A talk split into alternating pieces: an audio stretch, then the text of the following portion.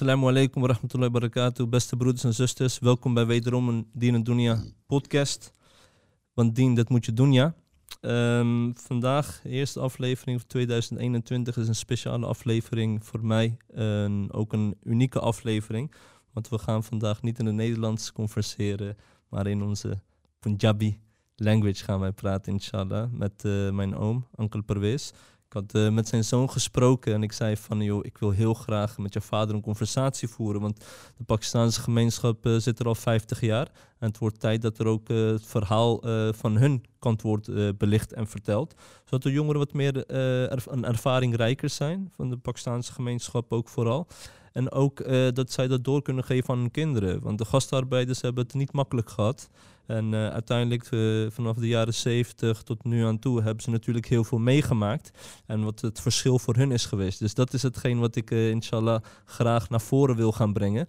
En daarom ben ik ook heel erg blij. Want ik was een beetje aan het twijfelen. Ik dacht van mijn oom gaat het wel doen. Maar ik ga het eerst even via zijn zoon spelen. Hij een goede bekende van mij is. En uiteindelijk zei hij ja. Toen dacht hij van oké, we gaan het doen. Ik had eh, een ankel ook even gebeld om te vragen. En hij zegt, joh, wat jij zegt, gaan we doen. Geen probleem, ik ben er. Vraag maar wat je wilt. Ik ga niet alles vragen, maar ik ga wel het een en ander vragen. We gaan beginnen vanaf nul. Salam alaikum, Ankali. Shukriya, boot, boot. Waalaikum assalam. Waalaikum assalam, rahmatullah, barakatuh. Shukriya, boot, boot. ਤੁਸੀਂ time ਬਣਾਇਆ ਸਾਡੇ ਵਾਸਤੇ ਤੁਹਾਡਾ ਵੀ ਬੱਚੇ ਬਹੁਤ ਸ਼ੁਕਰੀਆ ਕਿ ਤੁਸੀਂ ਸਾਨੂੰ ਯਾਦ ਰੱਖਦੇ ਹੋ ਤੇ ਯਾਦ ਕੀਤਾ ਥੈਂਕ ਕਿ ਯੂ ਅਸੀਂ ਆਏ ਹਾਂ। ਸ਼ੁਕਰੀਆ ਆਪਣੇ ਬਹੁਤ ਬੱਚਿਆਂ ਦੀ ਖੁਸ਼ੀ ਵਾਸਤੇ। ਬਿਲਕੁਲ। ਤੁਸੀਂ ਇੰਨੀ ਮਿਹਨਤ ਕਰ ਰਹੇ ਹੋ ਅੱਲਾਹ ਤਾਲਾ ਤੁਹਾਨੂੰ ਕਾਮਯਾਬ ਕਰੇ। ਆਮੀਨ ਸ਼ੁਕਰੀਆ ਬਹੁਤ ਬਹੁਤ ਸ਼ੁਕਰੀਆ ਬਹੁਤ ਬਹੁਤ ਅੰਕਲ ਪਾਕਿਸਤਾਨ 1947 ਪਾਰਟੀਸ਼ਨ ਹੋਈ ਸੀ। ਅਹ ਤੁਸੀਂ 1950 ਅਹ ਵਿੱਚ ਪੈਦਾ ਹੋਏ ਪੈਦਾ ਹੋਏ। ਜੀ ਪੈਦਾ ਹੋਏ। ਤੁਸੀਂ ਮਤਲਬ ਕਹਿ ਸਕਦੇ ਹੋ ਕਿ ਪਹਿਲੀ ਜਨਰੇਸ਼ਨ ਪਾਕਿਸਤਾਨੀ ਸੋ ਜੋ ਪਾਕਿਸਤਾਨ ਲੈਂਡ ਜੋ ਦੇਸ਼ ਹੈਗਾ ਉਧਰ ਪੈਦਾ ਹੋਇਆ। ਕਿਸ ਤਰ੍ਹਾਂ ਦਾ ਲਾਈਫ ਸੀ ਪਾਕਿਸਤਾਨ ਦੇ ਵਿੱਚ ਸ਼ੁਰੂ ਵਿੱਚ? ਫੈਮਿਲੀ ਕਿਸ ਤਰ੍ਹਾਂ ਸੀ ਬੈਕਗ੍ਰਾਉਂਡ ਤੁਹਾਡਾ ਫੈਮਿਲੀ ਤੇ ਮਾਸ਼ਾਅੱਲਾ ਮਾਸ਼ਾਅੱਲਾ ਜਦੋਂ ਪੈਦਾ ਹੋਇਆ ਤੇ ਉਦੋਂ ਤੇ ਬੱਚਾ ਹੀ ਪੈਦਾ ਹੁੰਦਾ ਉਦੋਂ ਪਤਾ ਤੇ ਕੁਝ ਨਹੀਂ ਨਾ ਹੁੰਦਾ ਬਿਲਕੁਲ ਤੇ ਫੈਮਿਲੀ ਅੱਛੀ ਸੀ ਵਾਲਦ ਸਾਹਿਬ ਮਾਸ਼ਾਅੱਲਾ ਠੀਕ ਠਾਕ ਸਨ ਪਿੱਛੋਂ ਬੈਕਗ੍ਰਾਉਂਡ ਜੇਲਮ ਦੇ ਸਨ ਅੱਛਾ ਵਾਲਦਾ ਮੇਰੀ ਵਜ਼ੀਰਾਬਾਦ ਦੇ ਸਨ ਤੇ ਅੱਛੀ ਫੈਮਿਲੀ ਸੀ ਮੇਰੇ ਨਾਨਕੇ ਬੜੇ ਅੱਛੇ ਸਨ ਬੜੇ ਬੜੇ ਦਾਦਕੇ ਵੀ ਅੱਛੇ ਸਨ ਨਾਨਕੇ ਮੇਰੀ ਬਹੁਤ ਬੜੀ ਫੈਮਿਲੀ ਜਿਹੜੇ ਮਤਲਬ ਕਾਫੀ ਨੇ ਸਿਆਲਕੋਟ ਵੀ ਨੇ ਹਰ ਸ਼ਹਿਰ ਹੀ ਸਨ ਅੱਛਾ ਤੇ ਫੈਮਿਲੀ ਸਨ ਦੋਨੋਂ ਅੰਮੀ ਅਬੂ ਫੈਮਿਲੀ ਅੱਛਾ ਨਹੀਂ ਫੈਮਿਲੀ ਨਹੀਂ ਸੀ ਫੈਮਿਲੀ ਨਹੀਂ ਸੀ ਅੱਛਾ ਫੈਮਿਲੀ ਨਹੀਂ ਸਨ ਅੱਛਾ ਅਰੇਂਜ ਮੈਰਿਜ ਉਹਨਾਂ ਦੀ ਸ਼ਾਦੀ ਹੋਈ ਸੀ ਤੇ ਇਸ ਲਈ ਪੈਦਾ ਹੋਏ ਸਨ ਉਸ ਵੇਲੇ ਤਾਂ ਪਤਾ ਹੀ ਕੋਈ ਨਹੀਂ ਸੀ ਸ਼ਹਿਨਸ਼ਾਹੀ ਜ਼ਿੰਦਗੀ ਸੀ ਅੱਛਾ ਵਾਲਦਨ ਹਯਾਤ ਸਨ ਵਾਲਦ ਸਾਹਿਬ ਅੱਛੀ ਜੌਬ ਕਰ ਰਹੇ ਸਨ ਹਾਂਜੀ ਅਕਾਊਂਟੈਂਟ ਸਨ ਲਾਹੌਰ ਜੇਲਮ ਤੋਂ ਆ ਕੇ ਲਾਹੌਰ ਉਹਨਾਂ ਨੇ ਸਟੱਡੀ ਕੀਤੀ ਉੱਥੇ ਹੀ ਪੜ੍ਹੇ ਉੱਥੇ ਹੀ ਮਿਹਨਤ ਕੀਤੀ ਅਕਾਊਂਟੈਂਟ ਬਣੇ ਅੱਛੀ ਜੌਬ ਮਿਲੀ ਉਹਨਾਂ ਨੂੰ ਉੱਥੇ ਹੀ ਉਹਨਾਂ ਨੇ ਰਿਹਾਇਸ਼ ਪ੍ਰਾਪਰਟੀ ਬਣਾਈ ਮਿਹਨਤ ਕਰ ਕੇ ਮੈਂ ਕੋਈ 14 ਕੁ ਸਾਲ ਦਾ ਹੋ ਗਿਆ ਸੀ। ਤੇ ਮੈਨੂੰ ਵੀ ਉਹਨਾਂ ਨੇ ਅੱਛੇ ਸਕੂਲ ਹੀ ਦਾਖਲ ਕਰਵਾਇਆ ਹੋਇਆ ਸੀ ਇੰਗਲਿਸ਼ ਮੀਡੀਅਮ ਵਿੱਚ। 14 ਸਾਲ ਦਾ ਹੋਇਆ ਤੇ ਉਹਨਾਂ ਨੂੰ। ਅਚਾਨਕ ਆਫਿਸ ਵਿੱਚ ਤਕਲੀਫ ਹੋਈ। ਅੱਛਾ ਆਫਿਸ ਕੋਈ ਸ਼ਾਹਰਾਗ ਦੇ ਉੱਤੇ ਨਾ ਉਹਨਾਂ ਨੂੰ ਕੋਈ ਡੇਮੂ ਜਿਹਾ ਲੜ ਗਿਆ।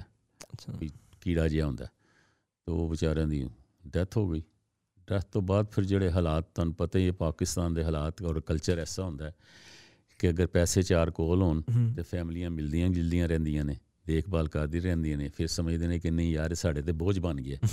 ਖਾਲਾ ਸਕੀ ਹੋਵੇ ਜਾਂ ਮਾਮੂ ਹੋਵੇ ਕੋਈ ਹੋਵੇ ਚਾਚਾ ਹੋਵੇ ਤਾਇਆ ਹੋਵੇ ਉਹ ਇਹੀ ਫੀਲ ਕਰਦੇ ਨੇ। ਕਿਉਂਕਿ ਚਾਰ ਅਸੀਂ ਭੈਣ ਭਰਾ ਪੰਜ ਭੈਣ ਭਰਾ ਸਾਂ। ਹਮ। ਚਾਰ ਭਾਈ ਸਾਂ ਇੱਕ ਭੈਣ ਸੀ ਛੋਟੀ। ਐਸੇ ਅੱਲਾ ਨੇ ਕੀਤਾ ਤਾਂ ਫਿਰ ਮੈਂ ਮਿਹਨਤ ਕਰਦਾ ਰਿਹਾ। ਹਮ। ਥੋੜੀ ਸਟਰਗਲ ਕਰਦਾ ਰਿਹਾ ਪੜ੍ਹਾਈ ਛੁੱਟ ਗਈ। ਮੈਂ ਫਿਰ ਜੇਲਮ ਚਲਾ ਗਿਆ ਕੁਝ ਅਰਸੇ ਦੇ ਲਈ। ਭੈਣ ਭਾਈਆਂ ਨੇ ਮਕਾਨ ਅਸੀਂ ਰੋਲ ਕਿਰਾਏ ਤੇ ਦੇ ਦਿੱਤਾ। ਜੇਲਮ ਚਲੇ ਗਏ ਜੇਲਮ ਜਾ ਕੇ ਮੈਂ ਗਲਾਸ ਫੈਕਟਰੀ ਜੌਬ ਕੀਤੀ ਕੁਝ ਸਾਲ ਉੱਥੇ ਜੌਬ ਕਰਕੇ ਫਿਰ ਮੈਂ ਥੋੜੇ ਸਾ ਥੋੜੇ ਸੇ ਚਾਰ ਪੈਸੇ ਕਮਾ ਕੇ ਦੇਖਿਆ ਤੇ ਮੈਂ ਆਪਣੀ ਭੈਣ ਦਾ ਰਿਸ਼ਤਾ ਮੈਂ ਕਿਹਾ ਜਲਦੀ ਕਰ ਦੇ। ਓਕੇ ਹੁਣ ਮੈਂ ਆਪਣੀ ਸਿਸਟਰ ਸੀ ਇਕੱਲੀ ਉਹਦਾ ਜ- ਕਰ ਦਿੱਤਾ ਮੈਂ ਜਲਦੀ ਨਾਲ ਰਿਸ਼ਤਾ ਕੀਤਾ। ਅੱਛੀ ਫੈਮਿਲੀ ਮਿਲ ਗਈ ਉਹ ਮਾਸ਼ਾਅੱਲਾ। ਫੈਮਿਲੀ ਦੇ ਵਿੱਚ? ਫੈਮਿਲੀ ਦੇ ਵਿੱਚ ਨਹੀਂ ਸਨ ਉਹ ਫੈਮਿਲੀ ਸਾਡੇ। ਮਤਲਬ ਬਿਊਰਮਾਨ ਜਿਸਾ ਹੁੰਦੇ ਅੱਛਾ, ਨੇ ਕਲੋਸ ਹਮਸਾਏ ਵਗੈਰਾ ਹਮਸਾਏ ਉਹ ਹਾਂ। ਮਹੱਲੇ ਦੇ ਨੇ। ਮਹੱਲੇ ਦੇ ਸਨ ਬਹੁਤ ਅੱਛੇ ਸਨ ਤੇ ਨੇਕ ਆਦਮੀ ਸਨ ਔਰ ਉਹ ਐਡਵੋਕੇਟ ਸਨ। ਅੱਛਾ। ਉਹ ਬਰਿਸਟਰ ਸਨ ਤੇ ਉਹਨਾਂ ਕੋਲ ਕੁਝ ਦੇ ਕਿਸੇ ਵਕਤ ਮੈਂ ਜੌਬ ਵੀ ਕਰਦਾ ਸਾਂ। ਆਪਣਾ ਮੁੰਸ਼ੀਗਿਰੀ ਦੀ ਜੌਬ ਵੀ ਕਰਦਾ ਰਿਹਾ ਕਿਸੇ ਵਕਤ। ਇਸੇ ਤਰ੍ਹਾਂ ਮੁxtਲਿਫ ਜੌਬਾਂ ਕਰਦਾ ਸਾਂ। ਉਹ ਅੱਛਾ ਰਿਸ਼ਤਾ ਮਿਲ ਗਿਆ। ਮੈਂ ਉਹ ਅਮਰੀਕਾ ਚਲੇ ਗਏ। ਤੇ ਉਹਨਾਂ ਨੇ ਆਪਣੀ ਮਰਜ਼ੀ ਦਾ ਇਜ਼ਹਾਰ ਕੀਤਾ ਤੇ ਮੈਂ ਫੌਰਨ ਆਪਣੀ ਸਿਸਟਰ ਦਾ ਕਰ ਦਿੱਤਾ। ਉਹ ਅਮਰੀਕਾ ਚਲੀ ਗਈ। ਉਹ ਤਾਂ ਸ਼ੁਕਰ ਅੱਲਾ ਦਾ ਕੀਤਾ। ਚਲੋ ਉਸ ਤੋਂ ਫਾਰਗ ਹੋਏ। ਬਾਕੀ ਭੈਣ ਭਰਾ ਸਨ ਜਵੇਦ ਛੋਟਾ ਭਾਈ ਇੱਕ ਸੀ ਉਹ ਪੜਦਾ ਸੀ। ਤੀਸਰਾ ਵੀ ਉਹ ਪੜਦਾ ਨਹੀਂ ਸੀ। ਬਸ ਇਸੇ ਤਰ੍ਹਾਂ ਅਲੱਦਾ ਫਿਰ ਹੋ ਗਏ ਹੂੰ ਫਿਰ ਇਹ ਸੋਚਿਆ ਕਿ ਯਾਰ ਕਿਸੇ ਤਰ੍ਹਾਂ ਕਿਸ ਤਰ੍ਹਾਂ ਕਰੀਏ ਫਿਰ ਮੈਂ ਜੇਲਮ ਜੌਬ ਕਰਦਾ ਕਰਦਾ ਮੈਂ ਕਿਹਾ ਚਲੋ ਉਹਨਾਂ ਨੂੰ ਮੈਂ ਬੈਨੋਈ ਨੂੰ ਕਿਹਾ ਆਪਣੇ ਬ੍ਰਦਰ ਨੇ ਲਾ ਨੂੰ ਹੂੰ ਵੀ ਸੋਚੋ ਉਹਨਾਂ ਨੇ ਕਿਹਾ ਠੀਕ ਹੈ ਇਹਨਾਂ ਨੂੰ ਦੋ- ਅਮਰੀਕਾ ਤੂੰ ਆ ਜਾ ਉਹਨਾਂ ਨੇ ਮੇਰਾ ਕਿਹਾ ਮੈਂ ਕਿਹਾ ਨਹੀਂ ਮੈਂ ਨਹੀਂ ਹਾਲੇ ਆਂਦਾ ਤੁਸੀਂ ਇਹਨਾਂ ਨੂੰ ਛੋਟਿਆਂ ਨੂੰ ਮਨਾ ਕਿਸੇ ਤਰ੍ਹਾਂ ਸੈੱਟ ਕਰੋ ਫਿਰ ਮੈਂ ਬਾਅਦ ਹੀ ਦੇਖਾਂਗਾ ਅਹ ਜੋ ਸਟੱਡੀ ਦੀ ਤੁਸੀਂ ਜੋ ਗੱਲ ਕਰਦੇ ਪਏ ਸੋ ਕਿ ਤੁਸੀਂ ਅਹ, ਤੁਹਾਡੇ ਬਹੁਤ ਉਹ ਸਟ੍ਰਿਕਟ ਸਨ ਇਸ ਚੀਜ਼ ਦੇ ਸਟ੍ਰਿਕਟ ਸਨ ਇਸ ਮਾਮਲੇ 'ਚ। ਔਰ ਦੂਸਰਾ ਵੀ ਸੀ ਕਿ ਉੱਥੇ ਪਾਕਿਸਤਾਨ ਦੇ ਵਿੱਚ ਮੈਜੋਰਟੀ ਇਹ ਕੋਈ ਹੁੰਦੀ ਹੈ। ਮਾਂ-ਬਾਪ ਦੀ ਕੋਸ਼ਿਸ਼ ਹੁੰਦੀ ਹੈ ਕਿ ਮੇਰਾ ਬੱਚਾ ਪੜ੍ਹੇ ਅੱਛਾ। ਐਜੂਕੇਸ਼ਨ ਹਾਸਲ ਕਰੇ ਅੱਛੀ ਤੋਂ ਅੱਛੀ ਜੌਬ ਮਿਲੇਗੀ ਅੱਛੇ ਤੋਂ ਅੱਛਾ ਜ਼ਿੰਦਗੀ ਬਣੇਗੀ। ਉਹ ਬਸ ਕਿਸਮਤ 'ਚ ਨਹੀਂ ਸੀ। ਇਸ ਤਰ੍ਹਾਂ ਉਹ ਫਿਰ ਮੇਰੇ ਬ੍ਰਦਰ ਇਨ ਲਾ ਨੇ ਮੇਰੀ ਬੜੀ ਹੈਲਪ ਕੀਤੀ। ਉਹਨਾਂ ਨੇ ਬਕਾਇਦਾ ਫਿਰ ਬੁਲਾਇਆ ਮੇਰੇ ਭਾਈ ਨੂੰ ਆਪਣੇ ਉਹਨਾਂ ਦਾ ਦੂਸਰਾ ਜਿਹੜਾ ਸੀ ਮੇਰਾ ਬ੍ਰਦਰ ਇਨ ਲਾ ਹੈ। ਸ਼ਾਹਿਦ ਉਹ ਉਹਨਾਂ ਦਾ ਬਾਂਝਾ ਵੀ ਲੱਗਦਾ ਸੀ। ਉਹਨਾਂ ਨੇ ਉਹਨੂੰ ਵੀ ਨਾਲ ਤਿਆਰ ਕਰਕੇ ਦੋਵਾਂ ਨੂੰ ਬੁਲਾਇਆ ਕਿ ਅਮਰੀਕਾ ਆ ਜਾਓ। ਉਹ ਅਮਰੀਕਾ ਬਾਈ ਰੋਡ ਇਸ ਤਰ੍ਹਾਂ ਆਏ ਇੱਥੇ ਇਸਤੰਬੁਲ ਦੇ through by road German German ਤੋਂ ਇੱਥੇ ਹਾਲੈਂਡ। ਉਹ ਹਾਲੈਂਡ ਹੀ ਆ ਕੇ ਸੈੱਟ ਹੋ ਗਏ। ਉਹਨਾਂ ਨੇ ਕਿਹਾ ਹੁਣ ਇੱਥੇ ਸੈੱਟ ਰਹੀਏ। ਇੱਥੇ ਆ ਕੇ ਇੱਥੇ ਆ ਕੇ ਲਾਹੌਰ ਦੇ ਮਤਲਬ ਮਿਲ ਗਏ ਨਾ ਲੋਕ। ਜਾਣਨ ਵਾਲਾ। ਜਾਣਨ ਵਾਲੇ। ਪੰਜ ਛੇ ਸੱਤ ਸਾਰੇ ਇਕੱਠੇ ਰਹਿੰਦੇ ਸਨ। ਹੌਸਲੇ ਗੱਪਸ਼ਪ ਪਿਆਰ ਮੁਹੱਬਤ ਹਰ ਚੀਜ਼ ਮਿਹਨਤ ਕਰਦੇ ਸਨ ਮਜ਼ਦੂਰੀਆਂ ਕਰਦੇ ਸਨ ਆਪਣਾ। ਕੰਮ ਸ਼ਮ ਕਰਦੇ ਸਨ। ਇੱਥੇ ਰਹਿਣਾ ਸ਼ੁਰੂ ਕਰਤਾ? ਤੇ ਤੁਹਾਨੂੰ ਮਤਲਬ ਕੁਝ ਮਹਿਸੂਸ ਹੁੰਦਾ ਸੀ ਕਿ ਤੁਸੀਂ ਬਸ ਕੰਮ ਹੀ ਕਰਦੇ ਜਾ ਕੇ ਜਦੋਂ ਤੁਸੀਂ ਤੁਹਾਨੂੰ ਮਤਲਬ ਕਿ ਤੁਸੀਂ ਪੜ੍ਹਾਈ ਤੁਸੀਂ ਛੱਡ ਦਿੱਤੀ ਸੀ ਨਾ? ਕੋਈ ਮਤਲਬ ਇਫੈਕਟ ਨਹੀਂ ਤੁਹਾਡੇ ਤੇ ਕੁਝ ਹੋਇਆ ਕਿ ਹੁਣ ਮੈਨੂੰ ਪੜ੍ਹਾਈ ਨਹੀਂ ਕਰਨੀ ਮੈਂ ਪੜ੍ਹਾਈ ਨਹੀਂ ਕਰ ਸਕਦਾ ਹੁਣ ਮੈਨੂੰ ਜ਼ਿੰਮੇਵਾਰੀ ਫੈਕਟ ਤੇ ਹੋਇਆ ਸੀ ਲੇਕਿਨ ਮੈਨੂੰ ਜ਼ਿਆਦਾਤਰ ਨਾ ਫੀਲ ਹੁੰਦਾ ਸੀ ਕਿ ਛੋਟੇ ਭੈਣ ਭਾਈ ਨੇ ਇਹ ਕਿਸੇ ਤਰ੍ਹਾਂ ਸੈੱਟ ਹੋ ਜਾਣ। ਅੱਛਾ। ਉਹ ਜ਼ਿਆਦਾ ਡੋਮਿਨੇਟ ਸੀ ਉਹ ਮੈਂ ਫੀਲਿੰਗ ਉਹਨਾਂ ਸੋਚਦਾ ਸਾਂ ਕਿ ਇਹ ਅਗਰ ਮੈਂ ਪੜ੍ਹਾਈ ਕਰਾਂਗਾ ਤੇ ਮੇਰੇ ਅਖਰਾਜਾਤ ਕੌਣ ਚੁੱਕੇਗਾ ਹਮ।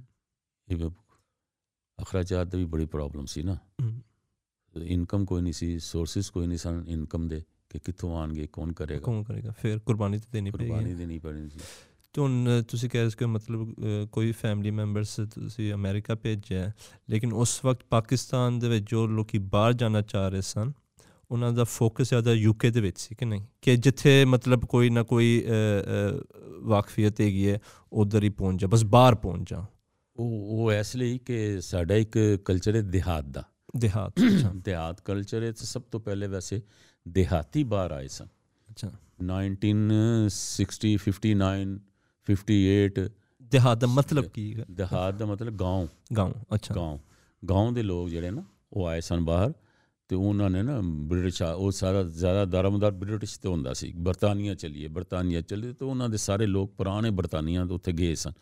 ਉਹਨਾਂ ਨੇ ਉੱਥੇ ਜੋਬਾਂ ਕੀਤੀਆਂ ਆਪਣੇ ਖਾਨਦਾਨ ਮੰਗਵਾਏ ਬੱਚੇ ਮੰਗਵਾਏ। ਸੁਣੇ ਮੇਰਾ ਦਾਦਾ ਸਾਰਿਆਂ ਨੂੰ ਵੀ ਪਹੁੰਚਾਉਂਦਾ ਸੀ ਉਧਰ। ਉੱਥੇ ਨਾ ਸਾਰਾ ਨਾ ਆਪਣਾ ਉਹ ਸਾਰਾ ਕੁਝ ਉੱਥੇ ਨਾ ਈਜ਼ੀ ਹੁੰਦਾ ਸੀ ਉਸ ਲਈ ਵੀਜ਼ਾ ਲਿਆ ਉੱਥੇ ਚਲੇ ਗਏ। ਵੀਜ਼ਾ ਲਿਆ ਚਲੇ ਅੱਛਾ ਈਜ਼ੀ ਸੀ?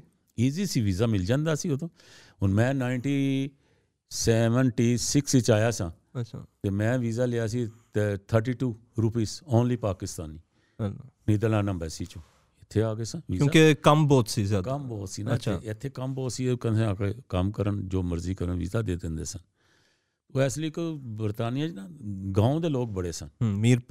میر پو پا بہت زیادہ۔ سارے دیکھو بچے بلا بلا سارے محنت کرتے رہے۔ کوئی ਬੱਸ ਡਰਾਈਵਰ ਹੈ ਕੋਈ ਕੰਡਕਟਰ ਹੈ ਕੋਈ ਜੌਬ ਕਰ ਰਿਹਾ ਕੋਈ ਕਿਸੇ ਵੇਲੇ ਪੋਸਟ ਆਫਿਸ ਕਾਫੀ ਲੋਕ ਉੱਥੇ ਸਟੈਗਲ ਸੈੱਟ ਹੋ ਗਏ ਸਨ। ਲੇਕਿਨ ਉਸ ਵਕਤ ਪਾਕਿਸਤਾਨੀ ਬਿਲਫਰਸ ਹਾਲੈਂਡ ਦੇ ਵਿੱਚ ਬਸ ਬਿਜ਼ਨਸ ਮਾਈਂਡਡ ਵੀ ਹੈਗੇ ਸਨ ਜਾਂ ਬਸ ਕੰਮ ਸ਼ਾਮ ਕਰੋ 3-4 ਸਾਲ ਟਿਕਾ ਕੇ ਪੈਸਾ ਕਮਾਓ ਤੇ ਵਾਪਸ ਜਾਓ? ਕੀ ਸੋਚ ਸੀ? ਬਿਜ਼ਨਸਮੈਨ ਬਹੁਤ ਘੱਟ ਸਨ। ਅੱਛਾ। ਇਸ ਲਈ ਕਿ ਉਹਨੇ ਸੋਰਸਿਸ ਨਹੀਂ ਸਨ ਇਹਨੇ ਹੈਗੇ। ਬਸ ਜਿਹੜੇ ਕੋਈ ਆਉਂਦੇ ਸਨ ਉਹ ਆ ਕੇ ਇਹੀ ਸੋਚਦੇ ਹਨ। ਜਿਨ੍ਹਾਂ ਦੇ ਕੋਲ ਪਹਿਲੇ ਇੱਥੇ ਆਏ ਹੁੰਦੇ ਸਨ ਦੂਸਰਾ ਕੋਈ ਆਂਦਾ ਸੀ ਕਹਿੰਦਾ ਸੀ, ਚਲੋ ਯਾਰ 2-4 ਸਾਲ ਲਗਾ ਕੇ ਨਾ ਆਪਣੇ ਮੁਲਕ ਚਲੇ ਜਾਾਂਗੇ। ਜਾ ਕੇ ਉੱਥੇ ਕੋਈ ਕਾਰੋਬਾਰ ਕਰਾਂਗੇ ਉੱਥੇ ਰਵਾਂਗੇ।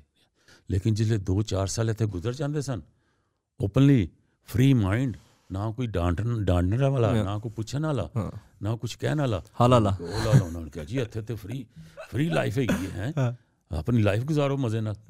ਕੋਈ ਸੋਚ ਨਹੀਂ ਸੀ ਹੁੰਦੀ। ਤੇ ਫਿਰ ਸਹੀ ਉਹ ਫਿਰ ਪਰਦੇਸੀ ਬਣ ਗਿਆ ਸਨ ਨਾ। ਮੈਂ ਕਹਿੰਦਾ ਜੀ ਇੱਥੇ ਫਿਰ ਇੰਜੋਏ ਕਰਦੇ ਸਾਂ ਪਰਦੇਸੀ ਉਦੋਂ ਨਾ ਕੋਈ ਬੀਵੀ ਨਾ ਬੱਚੇ ਨਾ ਕੋਈ ਗੱਲ ਨਾ ਬਾਤ। ਮੈਂ ਸੋਚਿਆ ਸੀ ਮੈਂ ਅੰਕਲ ਨੂੰ ਕੁਝ ਨਹੀਂ ਪੁੱਛਾਂਗਾ 70s ਦੇ ਬਾਅਦ ਲੇਕਿਨ ਤੁਸੀਂ ਖੁਦ ਹੀ ਹੈ ਡਾਇਰੈਕਟ ਨਹੀਂ ਬੜੀ ਅੱਛੀ ਰਹੀ। ਆਂਦੇ ਸਾਰੇ ਲੇਕਿਨ ਹੈ ਵੇ ਕਿ ਇੱਥੇ ਅਸੀਂ ਆਏ ਵੀ ਆ ਨਾ ਸਟਰਗਲ ਬੜੀ ਕੀਤੀ। ਹੈ Struggles, ਇਹ ਨਹੀਂ। ਕੋਈ ਵਿਲੇ ਬੈਠੇ ਰਹੇ ਅਸੀਂ ਜਿਹੜੇ ਆਪਣੀ ਲਾਈਫ ਦੇ 40 ਸਾਲ ਜਾਂ 30 ਸਾਲ 40 ਸਾਲ ਜਿਹੜੇ ਇਸ ਇਸ ਮੁਲਕ ਨੂੰ ਦਿੱਤੇ ਨੇ ਨਾ ਇਸ ਮੁਲਕ ਤੇ ਵੀ ਸਾਡਾ ਆਸਾਨ ਹੈ ਕਿ ਅਸੀਂ ਆਪਣੀ ਸਾਰੀ ਜਵਾਨੀ ਜਿਹੜੀ ਹੈ ਨਾ ਇਸ ਮੁਲਕ ਵਾਸਤੇ ਖਰਚ ਕੀਤੀ ਹੈ। ਬਿਲਕੁਲ। ਕਿਉਂਕਿ ਹਰ ਕੰਮ ਕੀਤਾ ਹੈ। ਅਸੀਂ ਸਫਾਈਆਂ ਦੇ ਕੰਮ ਕੀਤੇ ਨੇ ਪੋਸਟ ਆਫਿਸਾਂ 'ਚ ਕੰਮ ਕੀਤੇ ਨੇ ਫੈਕਟਰੀਆਂ 'ਚ ਕੰਮ ਕੀਤੇ ਨੇ ਔਰ ਇਹਨਾਂ ਦੀ ਖਾਤਰ ਹੀ ਕੀਤੇ ਨੇ। ਲੇਕਿਨ ਇਹ ਵੀ ਕਿ ਇਹ ਕੰਪਰੋਮਾਈਜ਼ ਕਰਦੇ ਸਨ ਸਾਡੇ ਨਾਲ ਵੀ ਤਾਮਨ ਕਰਦੇ ਸਨ ਖਿਆਲ ਰੱਖਦੇ ਸਨ। ਲੇਕਿਨ ਤੁਸੀਂ ਕਹਿ ਰਹੇ ਹੋ ਕਿ ਵੀਜ਼ਾ 32 ਰੁਪਏ ਦਾ ਖਰਚਾ ਸੀ ਲੇਕਿਨ ਵੀਜ਼ਾ ਕਿ ਇੱਕ ਜਾਂ ਦੋ ਜਾਂ ਤਿੰਨ ਸਾਲ ਦਾ ਸੀ ਲਿਮਿਟ ਕੀ ਸੀ ਵੀਜ਼ੇ ਦੀ ਵਰਕ ਓਪਨ ਵੀਜ਼ਾ ਸੀ ਮੇਰਾ ਓਪਨ ਵੀਜ਼ਾ ਸੀ ਅੱਛਾ ਤੇ ਜਦੋਂ ਤੁਸੀਂ ਜਾਣਾ ਵਾਪਸ ਤੁਸੀਂ ਚਲੇ ਜਾਓ ਲੇਕਿਨ ਤੁਹਾਡਾ ਸਟੇ ਇੱਧਰ ਰਹੇਗਾ ਹਾਲੈਂਡ ਅਨਲਿਮਿਟਿਡ ਸਟੇ ਹਾਲੈਂਡ ਨਹੀਂ ਰਹੇਗਾ ਯੂਰਪ ਦੇ ਵਿੱਚ ਵਿਜ਼ਿਟ ਕਰਨ ਦਾ ਸਟੇ ਹੋਏਗਾ ਜਿੱਥੇ ਜਾਣਾ ਹੋਵੇ ਤੁਸੀਂ ਜਾ ਸਕਦੇ ਅੱਛਾ ਤੇ ਮਤਲਬ ਤੁਸੀਂ ਫਿਰ ਇਲੀਗਲ ਨਹੀਂ ਹੋ- ਹੈਗੇ ਕਿਉਂਕਿ ਤੁਹਾਨੂੰ ਵੀਜ਼ਾ ਮਿਲਿਆ ਹੋਇਆ ਕਿ ਨਹੀਂ? ਨਹੀਂ ਅਸੀਂ ਤਾਂ ਅੱਛਾ ਵੀਜ਼ਾ ਉਧਰ ਜਾਣ ਵਾਸਤੇ ਇੱਧਰ ਹਾਲੈਂਡ ਆ ਕੇ ਤੇ ਕੀ ਫਿਰ ਰੂਲਸ ਹੈਗੇ ਸਨ? 70s ਇਧਰ ਇਹਨਾਂ ਨੇ ਆਪਣਾ ਕੀਤਾ ਸੀ ਨਾ ਇਹਨਾਂ ਨੇ ਐਲਾਨ ਕੀਤਾ ਸੀ ਨਾ ਜੇ ਕੋਈ 70 ਸੀ ਪਤਾ ਨਹੀਂ 75 76 ਸੀ ਜਿਹੜੇ ਆਏ ਨੇ ਤੇ ਉਹਨਾਂ ਵਾਸਤੇ ਨਾ ਉਹਨਾਂ ਨੇ ਲੀਗਲ ਕਰਤਾ ਸੀ ਕੋਈ ਪ੍ਰੂਫ ਦਿਓ ਵੀ ਤੁਸੀਂ ਆਏ ਹੋ। ਅੱਛਾ। ਤੇ ਉਹ ਫਿਰ ਲੋ ਅਸੀਂ ਲੋਕਾਂ ਨੇ ਨਾ ਪ੍ਰੂਫ ਵਕਾਇਦਾ ਸਾਰਿਆਂ ਨੇ ਕਈ ਪੋਸਟ ਮੰਗਾਉਂਦੇ ਹੁੰਦੇ ਸਨ। ਤੇ ਉਹ ਪੋਸਟ ਵਗੈਰਾ ਦਿਖਾਉਂਦੇ ਸਨ ਕਿ ਅਸੀਂ ਇੱਥੇ ਹਾਂ ਤੇ ਕੰਮ ਕਿੱਥੇ ਕੰਮ ਕਰਦੇ ਰਹੇ ਹਾਂ। ਉਹਨਾਂ ਨੇ ਅਸਾਂ ਫਿਰ ਪਾਸਪੋਰਟ ਮਿਲ ਜਾਂਦਾ ਸੀ ਫਿਰ। ਪਾਸਪੋਰਟ ਨਹੀਂ ਲੀਗਲ ਕੀਤਾ ਸੀ ਉਹਨਾਂ ਨੇ ਬਲਾਈ। ਫਰਖੂਨੀ। ਫਰ ਬਲਾਈ ਫਖਣੀ ਫਰ ਬਲਾਈ ਫਰਖੂਨੀ ਮਿਲੇਗੀ ਉਸ ਤੋਂ ਬਾਅਦ ਫਿਰ ਬਲਾਈ ਫਰਖੂਨੀ ਤੋਂ ਬਾਅਦ 5 ਸਾਲ ਤੁਸੀਂ ਕੰਮ ਕਿੱਥੇ ਕਰਦੇ ਰਹੇ ਹੋ? ਅੱਛਾ। ਕਿਸੇ ਕੰਪਨੀ 'ਚ 5 ਸਾਲ ਕੰਮ ਕੀਤਾ। ਟੈਕਸ ਪੇ ਕੀਤਾ ਸਭ ਕੁਝ ਕੀਤਾ ਫਿਰ ਤੁਸੀਂ ਉਸ ਤੋਂ ਬਾਅਦ ਤੁਸੀਂ ਅਨਫਰਾਕ ਕਰ ਸਕਦੇ ਹੋ ਸੋ ਪਾਸਪੋਰਟ ਨਹੀਂ ਤੇ ਫਿਰ ਉਸ ਵਕਤ ਮਤਲਬ ਪੇਪਰ ਲੀਗਲ ਹੋਣ ਵਾਸਤੇ ਲੋਕੀ ਤੇ ਬੜੀ ਮਿਹਨਤਾਂ ਕਰਦੇ ਸਨ ਤੇ ਇੰਨੀ ਮਿਹਨਤ ਵੀ ਨਹੀਂ ਕਰਨੀ ਚਾਹੀਦੀ। ਇੱਧਰ ਉੱਧਰ ਪੇਪਰ ਵਰਕ ਇੱਧਰ ਉੱਧਰ ਵਿਆਹ ਸ਼ਾ ਕਰਾ ਕਰੂ ਕੇ ਜਾਂ ਕੀ ਕਹਿੰਦੇ ਨੇ ਸੁਰੀਨਾਮੀਆਂ ਦੇ ਨਾਲ ਵੀ ਵਿਆਹ ਨਹੀਂ ਸ਼ਾਦੀਆਂ ਜ਼ਰੂਰ ਕਰਦੇ ਸਨ ਲੇਕਿਨ ਕਿਉਂ। ਫਿਰ ਕਰਦੇ ਸਨ? ਕਿਉਂਕਿ ਅਗਰ ਖੁਦ ਉਹ ਕਹਿ ਸਕਦੇ ਸਨ ਕਿ ਸ਼ਾਦੀशुदा ਜੋ ਨਹੀਂ ਜੋ ਹੁੰਦੇ ਸਨ। ਤੇ ਉਹਨਾਂ ਨੇ ਕਿਹਾ ਸ਼ਾਦੀ ਅਗਰ ਪਾਕਿਸਤਾਨ ਨਹੀਂ ਕਿਸੇ ਨਾਲ ਕੋਈ। ਜੇ ਅੰਗੇਜਮੈਂਟ ਨਹੀਂ ਹੋਈ ਮੰਗਣੀ ਨਹੀਂ ਹੋਈ ਤਾਂ ਉੱਥੇ ਸ਼ਾਦੀਆਂ ਕਰ ਲੈਂਦੇ ਸਨ। ਅੱਛਾ। ਆਪਣੀ ਲਾਈਫ ਗੁਜ਼ਾਰਦੇ ਸਨ ਫੈਮਲੀਆਂ ਬਣਾਈਆਂ ਆਹੋ ਬਿਲਕੁਲ। ਸ਼ਾਦੀਆਂ ਬਣਾਈਆਂ ਫੈਮਲੀਆਂ ਬਣਾਈਆਂ ਹੋਈਆਂ। ਲੇਕਿਨ ਉਹ ਜਿਹੜਾ ਪੇਪਰ ਵਰਕ ਵੀ ਹੁੰਦਾ ਸੀ ਤਾਂ ਪੇਪਰ ਵਰਕ ਦਾ ਮਕਸਦ ਉਹਨਾਂ ਦਾ ਇਹ ਹੁੰਦਾ ਸੀ ਕਿ ਲੀਗਲ ਵੀ ਤੇ ਹੋ ਜਾਂਦੇ ਸਨ ਮਗਰ ਉਹਨਾਂ ਦਾ ਇਹ ਸੀ ਕਿ ਸਟੇ ਮਿਲ ਜਾਏਗਾ ਤੇ ਆਪਣੀ ਫੈਮਲੀ ਬਣਾਵਾਂਗੇ ਫੈਮਲੀ ਨਾਲ ਰਵਾਂਗੇ। ਸਹੀ। ਇਹ ਇਹ ਸੋਚ ਉਦੋਂ ਕਿਉਂਕਿ ਸਖਤੀ ਬੜੀ ਹੁੰਦੀ ਸੀ। ਅੱਛਾ। ਸਾਡੇ ਜ਼ਮਾਨੇ 'ਚ 76 ਦੀ ਸਖਤੀ ਬੜੀ ਹੁੰਦੀ ਸੀ ਸਲਵਾਰ ਕਮੀਜ਼ ਨਾਲ ਬਾਹਰ ਨਹੀਂ ਸਨ ਡਰਦੇ ਨਿਕਲਦੇ ਕਿ ਪੁਲਿਸ ਚੈੱਕ ਨਾ ਕਰ ਲਵੇ। ਅੱਛਾ। ਪੁਲਿਸ ਚੈੱਕ ਕਰਦੀ ਸੀ ਅਗਰ ਸਲਵਾਰ ਕਮੀਜ਼ ਹਾਂ ਪਾਈ ਕਿ ਸੀ। ਪੇਪਰ ਵਗੈਰਾ ਹਾਂ ਪੇਪਰ ਵਗੈਰਾ ਚੈੱਕ ਕਰ ਲਓ ਜਾਂ ਵੈਸੇ ਤੁਸੀਂ ਇਹ ਲਿਬਾਸ ਤੋਂ ਵੀ ਚੈੱਕ ਕਰ ਲੈਂਦੀ ਸੀ। ਉਦੋਂ ਮਸਜਿਦ ਬਹੁਤ ਘੱਟ ਸਨ ਨਾ। ਲੇਕਿਨ ਉਸ ਵਕਤ ਸਾਰਿਆਂ ਕੋਲ ਫਿਰ ਬਲਾਈਫ ਨਹੀਂ ਹੈਗੀ ਸੀ ਤੁਸੀਂ ਕਹਿ ਰਹੇ ਸੋ ਕਿ ਨਹੀਂ? ਸਾਰਿਆਂ ਕੋਲ ਪਤਾ ਨਹੀਂ ਹੈ ਸੀ ਜਾਂ ਨਹੀਂ ਕਹਿ ਸਕਣਾ ਬਲਾਈ ਫਰਹੂਨੀ ਕਿ ਕਈਆਂ ਕੋਲ ਨਹੀਂ ਵੀ ਸੀ। ਅੱਛਾ ਤੇ ਫਿਰ ਕਿਉਂ ਨਹੀਂ ਕਰਦੇ ਸਨ ਪੇਪਰ ਮਤਲਬ ਡਾਕੂਮੈਂਟਸ ਕਿਉਂ ਨਹੀਂ ਦਿੰਦੇ? ਕਿਉਂਕਿ ਈਜ਼ੀ ਉਸ ਵਕਤ ਸੀ ਤੁਸੀਂ ਜਿਹੜੇ ਕਹਿ। ਤੇ ਲੀਗਲ ਸਨ ਉਹ ਉਹਨਾਂ ਕੋਲ ਅਗਰ ਕੋਈ ਪੁੱਛਗਿੱਛ ਕਰ ਲੈਂਦਾ ਸੀ ਤਾਂ ਦਿੰਦੇ ਸਨ ਦਿੰਦੇ ਸਨ। ਦਿੰਦੇ। ਅੱਛਾ। ਤੇ ਜਿਨ੍ਹਾਂ ਕੋਲ ਨਹੀਂ ਸਨ ਕੋਈ ਕਰਦੇ ਤੇ ਉਹਨਾਂ ਨੂੰ ਉਦੋਂ ਇੰਨਾ ਕਰਦੇ ਵੀ ਸਨ ਰਿਪੋਰਟ। ਚੈੱਕ ਨਹੀਂ ਸਨ ਕਰਦੇ ਕੋਈ ਖੁਦਾ ਨਾ ਖਾਸਤਾ ਕੋਈ ਐਸਾ ਕੋਈ ਬੰਦੇ ਨੇ ਕੋਈ ਗਲਤੀ ਕੀਤੀ ਹੈ ਤੇ ਤਾਂ ਹੀ ਚੈੱਕ ਹੁੰਦਾ ਸੀ। ਆ ਸਮਝ ਆ ਗਿਆ ਬੜੇ ਮੁਤਾਤ ਰਹਿੰਦੇ ਸਨ। ਸਮਝ ਆ ਗਿਆ ਹਾਂ। ਹਾਂ ਬੜੇ ਮੁਤਾਤ ਰਹਿੰਦੇ ਸਨ। ਕੋਈ ਐਸੀ ਗਲਤੀ ਸ਼ਲਤੀ ਨਹੀਂ ਸਨ ਕਰਦੇ ਕਿ ਵੀ ਇਹ ਕਿਧਰ ਪੁਲਿਸ ਨਾ ਚੈੱਕ ਕਰ ਲਵੇ। ਸਮਝ ਆ ਤੇ ਉਸ ਵਕਤ ਕੋਈ ਹਲਾਲ ਸਲਾਹ ਖਰਾਈ ਵੀ ਨਹੀਂ ਹੁੰਦੀ ਸੀ ਤੇ ਖਾਣਾ ਉਹ ਕਿਸ ਤਰ੍ਹਾਂ ਫਿਰ ਤੁਸੀਂ ਸਾਰਿਆਂ ਨੇ ਟਾਈਮ ਗੁਜ਼ਾਰਿਆ? ਉਹ ਬਸ ਉਹ ਟਾਈਮ ਇਸ ਤਰ੍ਹਾਂ ਗੁਜ਼ਾਰਿਆ ਕਿ ਹਲਾਲ ਚੀਜ਼ਾਂ ਤੇ ਹੁੰਦੀਆਂ ਨਹੀਂ ਸਨ। ਹਾਂਜੀ। ਲੇਕਿਨ ਅਲਹਮਦੁਲਿਲਾ ਜਿਸ ਤਰ੍ਹਾਂ ਕੋਈ ਕਿਸੇ ਕੋ ਪੁੱਛ ਲੈਂਦੇ ਸਾਂ ਬਜ਼ੁਰਗ ਕੋਲੋਂ ਜੀ ਇਹ ਚੀਜ਼ ਅਸੀਂ ਖਰੀਦੀ ਹੈ ਉਹ ਕਹਿੰਦੇ ਸਾਂ ਜੀ ਬਿਸਮਿਲ੍ਲਾ ਪੜ੍ਹ ਲਓ ਹਲਾਲ ਹੋ ਜਾਏਗੀ ਅੱਛਾ ਅੱਛਾ ਅਸੀਂ ਅਸੀਂ ਕਹਿੰਦੇ ਸਾਂ ਠੀਕ ਹੈ ਜੀ ਬਿਸਮਿਲ੍ਲਾਹਿਰ ਰਹਿਮਾਨ ਰਹੀਮ ਹਲਾਲ ਹੋ ਜਾਂਦੀ ਸੀ ਅੱਛਾ ਅੱਛਾ ਅੱਛਾ ਅੱਛਾ ਹੈਂ, ਉਦੋਂ ਉਹ ਇਹ ਮੈਕਡੋਨਲਡ ਵਗੈਰਾ ਉਦੋਂ ਵੀ ਆਏ ਸਨ ਹਮ। ਹੈਂ, ਜੀ ਸਾਰੀਆਂ ਚੀਜ਼ਾਂ ਆਏ ਸਨ ਸਾਰੇ ਬੰਦੇ ਖਾਂਦੇ ਸਨ ਅਸੀਂ ਵੀ ਖਾਣੇ ਸਾਂ ਹਾਂ। ਅਸੀਂ ਉਹ ਉਹ ਕੀਮਾ ਜਿਹਾ ਲਾ ਕੇ ਵੀ ਬ੍ਰੈਡ 'ਚ ਖਾ ਜਾਂਦੇ ਸਾਂ ਪਤਾ ਨਹੀਂ ਸੀ ਹੁੰਦਾ ਕੀ ਹੈਗਾ ਕੀ ਨਹੀਂ ਹਾਲਾਤ ਹੀ ਐਸੇ ਸਾਨੂੰ ਕੋਈ ਦੱਸਣ ਵਾਲੇ ਕੋਈ ਨਹੀਂ ਸੀ ਅੱਛਾ ਅੱਛਾ ਤਬਲੀਗ ਕਰਨ ਵਾਲਾ ਕੋਈ ਨਹੀਂ ਸੀ ਹਮ। ਉਹ ਅੱਲਾ ਨੇ ਕੀਤਾ ਕਿ ਆਹਿਸਤਾ ਆਹਿਸਤਾ ਆਹਿਸਤਾ ਆਹਿਸਤਾ ਇੱਥੇ ਫਿਰ ਇਹ ਮਾਰੋਕਾਨ ਕੌਮਾਂ ਆਈਆਂ ਹਾਂ, ਤੁਰਕੀ ਤੁਸੀਂ ਆਏ ਫਿਰ ਸਲਾਹ ਖਰਾਈ ਥੋੜੀ ਸਲਾਖ ਰਹੀਆਂ ਖੁੱਲੀਆਂ ਫਿਰ ਆਹਿਸਤਾ ਆਹਿਸਤਾ ਪਤਾ ਲੱਗਾ ਜੀ ਹਲਾਲ ਹੈ ਇਹ ਇਹ ਇਹ ਦੁਕਾਨ ਜਿਹੜੀ ਉਹ ਹਲਾਲ ਹੈ ਇਹ ਦੁਕਾਨ ਹਲਾਲ ਚੀਜ਼ਾਂ ਵੇਚਦੀ ਹੈ ਫਿਰ ਨਾਲੇ ਆਹਿਸਤਾ ਆਹਿਸਤਾ ਆਹਿਸਤਾ ਆਹਿਸਤਾ ਇਸਲਾਮ ਦੇ ਬਾਰੇ ਜਦੋਂ ਤੁਰਕੀ ਮਰਾਕਸ਼ ਇਹ ਮੁਸਲਮਾਨ ਕੰਟਰੀਆਂ ਵਾਲੇ ਇੱਧਰ ਉੱਧਰ ਆਏ ਫਿਰ ਪਤਾ ਲੱਗਾ ਵੀ ਮਾਸ਼ਾਅੱਲਾ ਉਹਨਾਂ ਨੇ ਫਿਰ ਬਹੁਤ ਖਿਦਮਤ ਕੀਤੀ ਕਿ ਸਾਰਿਆਂ ਨੂੰ ਅਹਿਸਾਸ ਹੋਏ ਅਸਾਸ ਫਿਰ ਫਿਰ ਉਹਨਾਂ ਨੇ ਮਸਜਿਦਾਂ ਆਪਣੀਆਂ ਬਣਾਈਆਂ ਆਪਣੀਆਂ ਫਿਰ ਇਸ ਤਰ੍ਹਾਂ ਮਸਜਿਦਾਂ 'ਚ ਜਾ ਕੇ ਪਤਾ ਲੱਗਦਾ ਸੀ ਕਿ ਵੀ ਹਾਂ ਵੀ ਹੁਣ ਸਾਡਾ ਹੈਗਾ ਈਦ ਹੁੰਦੀ ਸੀ ਫਿਰ ਪਤਾ ਲੱਗਦਾ ਸੀ ਕਿ ਵੀ ਈਦ ਹੈ ਤੇ ਮਤਲਬ ਜਦੋਂ ਤੁਸੀਂ ਸਾਰੇ ਇਧਰ 70s ਦੇ ਵਿੱਚ ਮੌਜੂਦ ਹੈਗੇ ਸੋ ਤੇ ਨਮਾਜ਼ ਵਗੈਰਾ ਮਤਲਬ ਜੁਮੇ ਦੀ ਨਮਾਜ਼ ਤੇ ਫਿਰ ਤੁਸੀਂ ਕਿਸ ਤਰ੍ਹਾਂ ਕਿੱਥੇ ਜਾਂਦੇ ਸੋ ਤੁਹਾਡੀ ਆਪਣੀ ਮਸਜਿਦ ਹੁੰਦੀ ਸੀ ਉਸ ਵਕਤ ਦਨਾਖ ਵਿੱਚ ਤੇ ਨਾਗ ਇਸ ਉਹ ਪ੍ਰੋਸੈਸ ਕਿਸ ਤਰ੍ਹਾਂ ਸ਼ੁਰੂ ਹੋਇਆ ਮਸਜਿਦ ਦਾ? ਦੀ ਮਸਜਿਦ ਕੋਈ ਨਹੀਂ ਸੀ ਹੁੰਦੀ ਉੱਥੇ ਇੱਕ ਨੂਰੁਲ ਇਸਲਾਮ ਮਸਜਿਦ ਜਿਹੜੀ ਹੈ ਉਹਨਾਂ ਦੀ ਇੱਕ ਮਸਜਿਦ ਇੱਥੇ ਹੁੰਦੀ ਸੀ। ਇਹ ਜਿਹੜੀ ਆਪਣਾ ਜਿੱਥੇ ਅੱਜ ਕੱਲ ਨਹੀਂ ਹੈ ਇਸਲਾਮ ਜੀ। ਮਸਜਿਦ ਇਸਲਾਮ। ਹਾਂਜੀ ਹਾਂਜੀ ਇੱਥੇ ਨੂਰੁਲ ਇਸਲਾਮ ਵਾਲਿਆਂ ਦੀ ਹੁੰਦੀ ਸੀ। ਅੱਛਾ ਸਮਝ ਆ ਗਿਆ। ਅਹਿਮਦ ਸ਼ਾਹ ਨੂਰਾਨੀ ਸਾਹਿਬ ਮੌਲਾਨਾ ਅਹਿਮਦ ਸ਼ਾਹ ਨੂਰਾਨੀ ਸਾਹਿਬ ਆਉਂਦੇ ਹੁੰਦੇ ਸਨ ਇੱਥੇ। ਅੱਛਾ। ਤੇ ਇੱਥੇ ਸੁਰੀਨਾਮੀ ਕੌਮ ਨੇ ਮਿਲੇ ਮਿਲਾ ਕੇ ਥੋੜੀ ਸੀ ਛੋਟੀ ਜੀ ਬਣਾਈ ਹੁੰਦੀ ਸੀ ਇੱਥੇ ਪਹਿਲੀ ਮਸਜਿਦ ਅਸੀਂ ਇੱਥੇ ਜਾਂਦੇ ਸੀ। ਅੱਛਾ। ਇਸ ਤੋਂ ਬਾਅਦ ਫਿਰ ਉਹਨਾਂ ਨੇ ਦੂਸਰੀ ਵੱਡੀ ਬਣਾਈ ਮਸਜਿਦ। ਪਹਿਲੇ ਵੈਸੇ ਸੁਰੀਨਾਮੀਆਂ ਨੇ ਵੀ ਬੜੀ ਸਟਰਗਲ ਮੁਸਲਮਾਨਾਂ ਨੇ ਕੀਤੀ ਉਹਨਾਂ ਨੇ ਮਸਜਿਦਾਂ ਅੱਛਾ। ਉਹਨਾਂ ਨੇ ਵੀ ਅੱਛਾ ਕੰਮ ਕੀਤਾ ਸਹੀ। ਕਿ ਫਿਰ ਅਸੀਂ ਮਸਜਿਦ ਉਹਨਾਂ ਦੀ ਜਾਣਾ ਸ਼ੁਰੂ ਕੀਤਾ। ਫਿਰ ਉਸ ਤੋਂ ਬਾਅਦ ਤੁਰਕੀਆਂ ਦੀ ਮਸਜਿਦ ਬਣੀ ਫਿਰ ਆਪਣੇ ਪਾਕਿਸਤਾਨੀਆਂ ਦੀ ਮਸਜਿਦ ਬਣੀ। ਸਾਡੀ ਵੀ ਮਸਜਿਦ ਹੁਣ ਮੇਰੇ ਦੋਸਤ ਹਨ ਅੱਲਾ ਜੰਨਾ ਨਸੀਬ ਅਰਸ਼ਦ ਹਮ, ਮਰਹੂਮ ਉਹਨਾਂ ਨੇ ਵੀ ਬੜੀ ਹੈਲਪ ਕੀਤੀ ਮਸਜਿਦ ਦੇ ਵਿੱਚ। ਆਪਣੀ ਪਾਕਿਸਤਾਨੀ ਇੱਕ ਮਸਜਿਦ ਵਿੱਚ ਬੜਾ ਉਹਨਾਂ ਦਾ ਚੰਦਾ ਇਕੱਠਾ ਕਰਦੇ ਰਹੇ।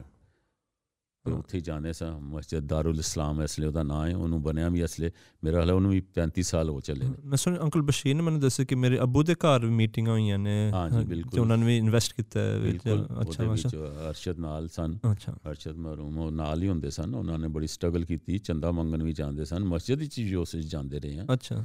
ਸਾਰਾ ਇੱਕ ਗਰੁੱਪ ਬਣ ਗਿਆ ਸੀ। ਮਾਸ਼ਾਅੱਲਾ ਤੇ ਉਹ ਅੱਛਾ। ਫਿਰ ਮਸਜਿਦ ਮਾਸ਼ਾਅੱਲਾ ਹਾਲੇ ਤੱਕ ਕਾਇਮ ਹੈ ਉਸੇ ਤਰ੍ਹਾਂ ਚੱਲ ਰਹੀ ਹੁਣ ਹਾਂ। ਪਾਕਿਸਤਾਨੀ ਮਾਸ਼ਾਅੱਲਾ ਜਾਂਦੇ ਨੇ ਦਾਰੁਲ ਇਸਲਾਮ ਵਿੱਚ। ਬਿਲਕੁਲ।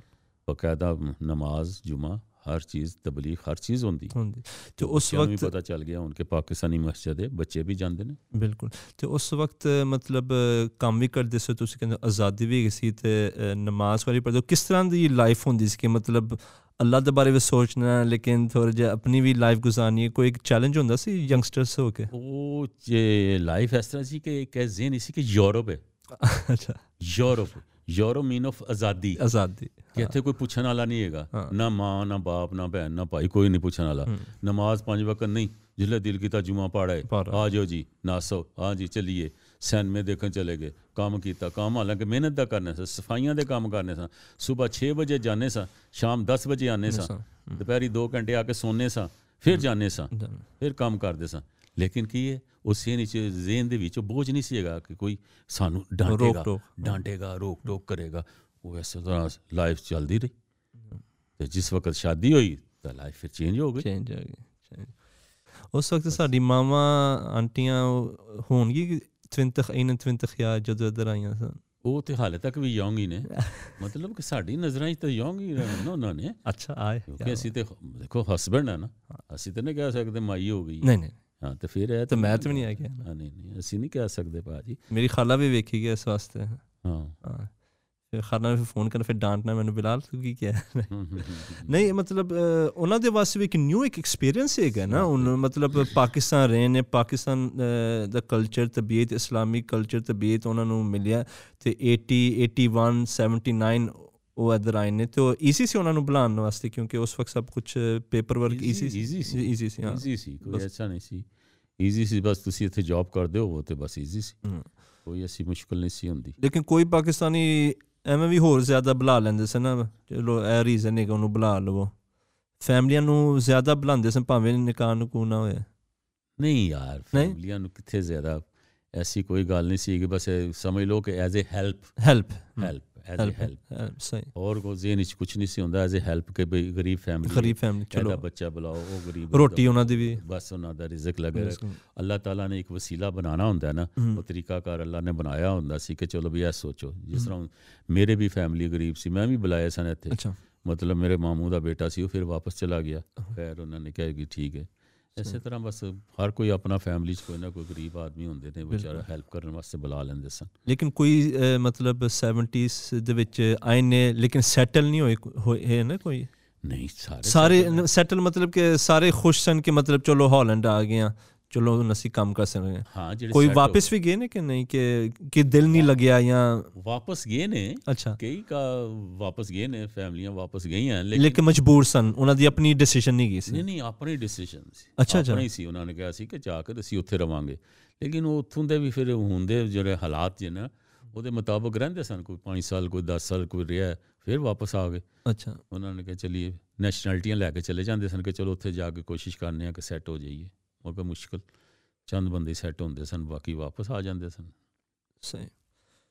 ਤੇ ਜਦੋਂ ਸ਼ਾਦੀ ਲਾਈਫ ਇਧਰ 80s ਦੇ ਵਿੱਚ ਜਦੋਂ ਸ਼ੁਰੂ ਹੋਈ ਹੈ, ਬੱਚੇ ਵੀ ਆਏ ਤੁਸੀਂ ਕਹਿੰਦੇ ਕਿ ਮਤਲਬ ਮਾਵਾਂ ਨੇ ਜ਼ਿਆਦਾ ਕੰਮ ਕੀਤਾ ਬੱਚਿਆਂ ਨੂੰ ਪਾਲਣ ਦਾ, ਤੁਸੀਂ ਸਾ- ਮਤਲਬ ਮਰਦ ਵਗੈਰਾ ਸਾਰੇ ਕੰਮ ਸ਼ਾਮ ਦੇ ਵਿੱਚ ਮੌਜੂਦ ਸਨ।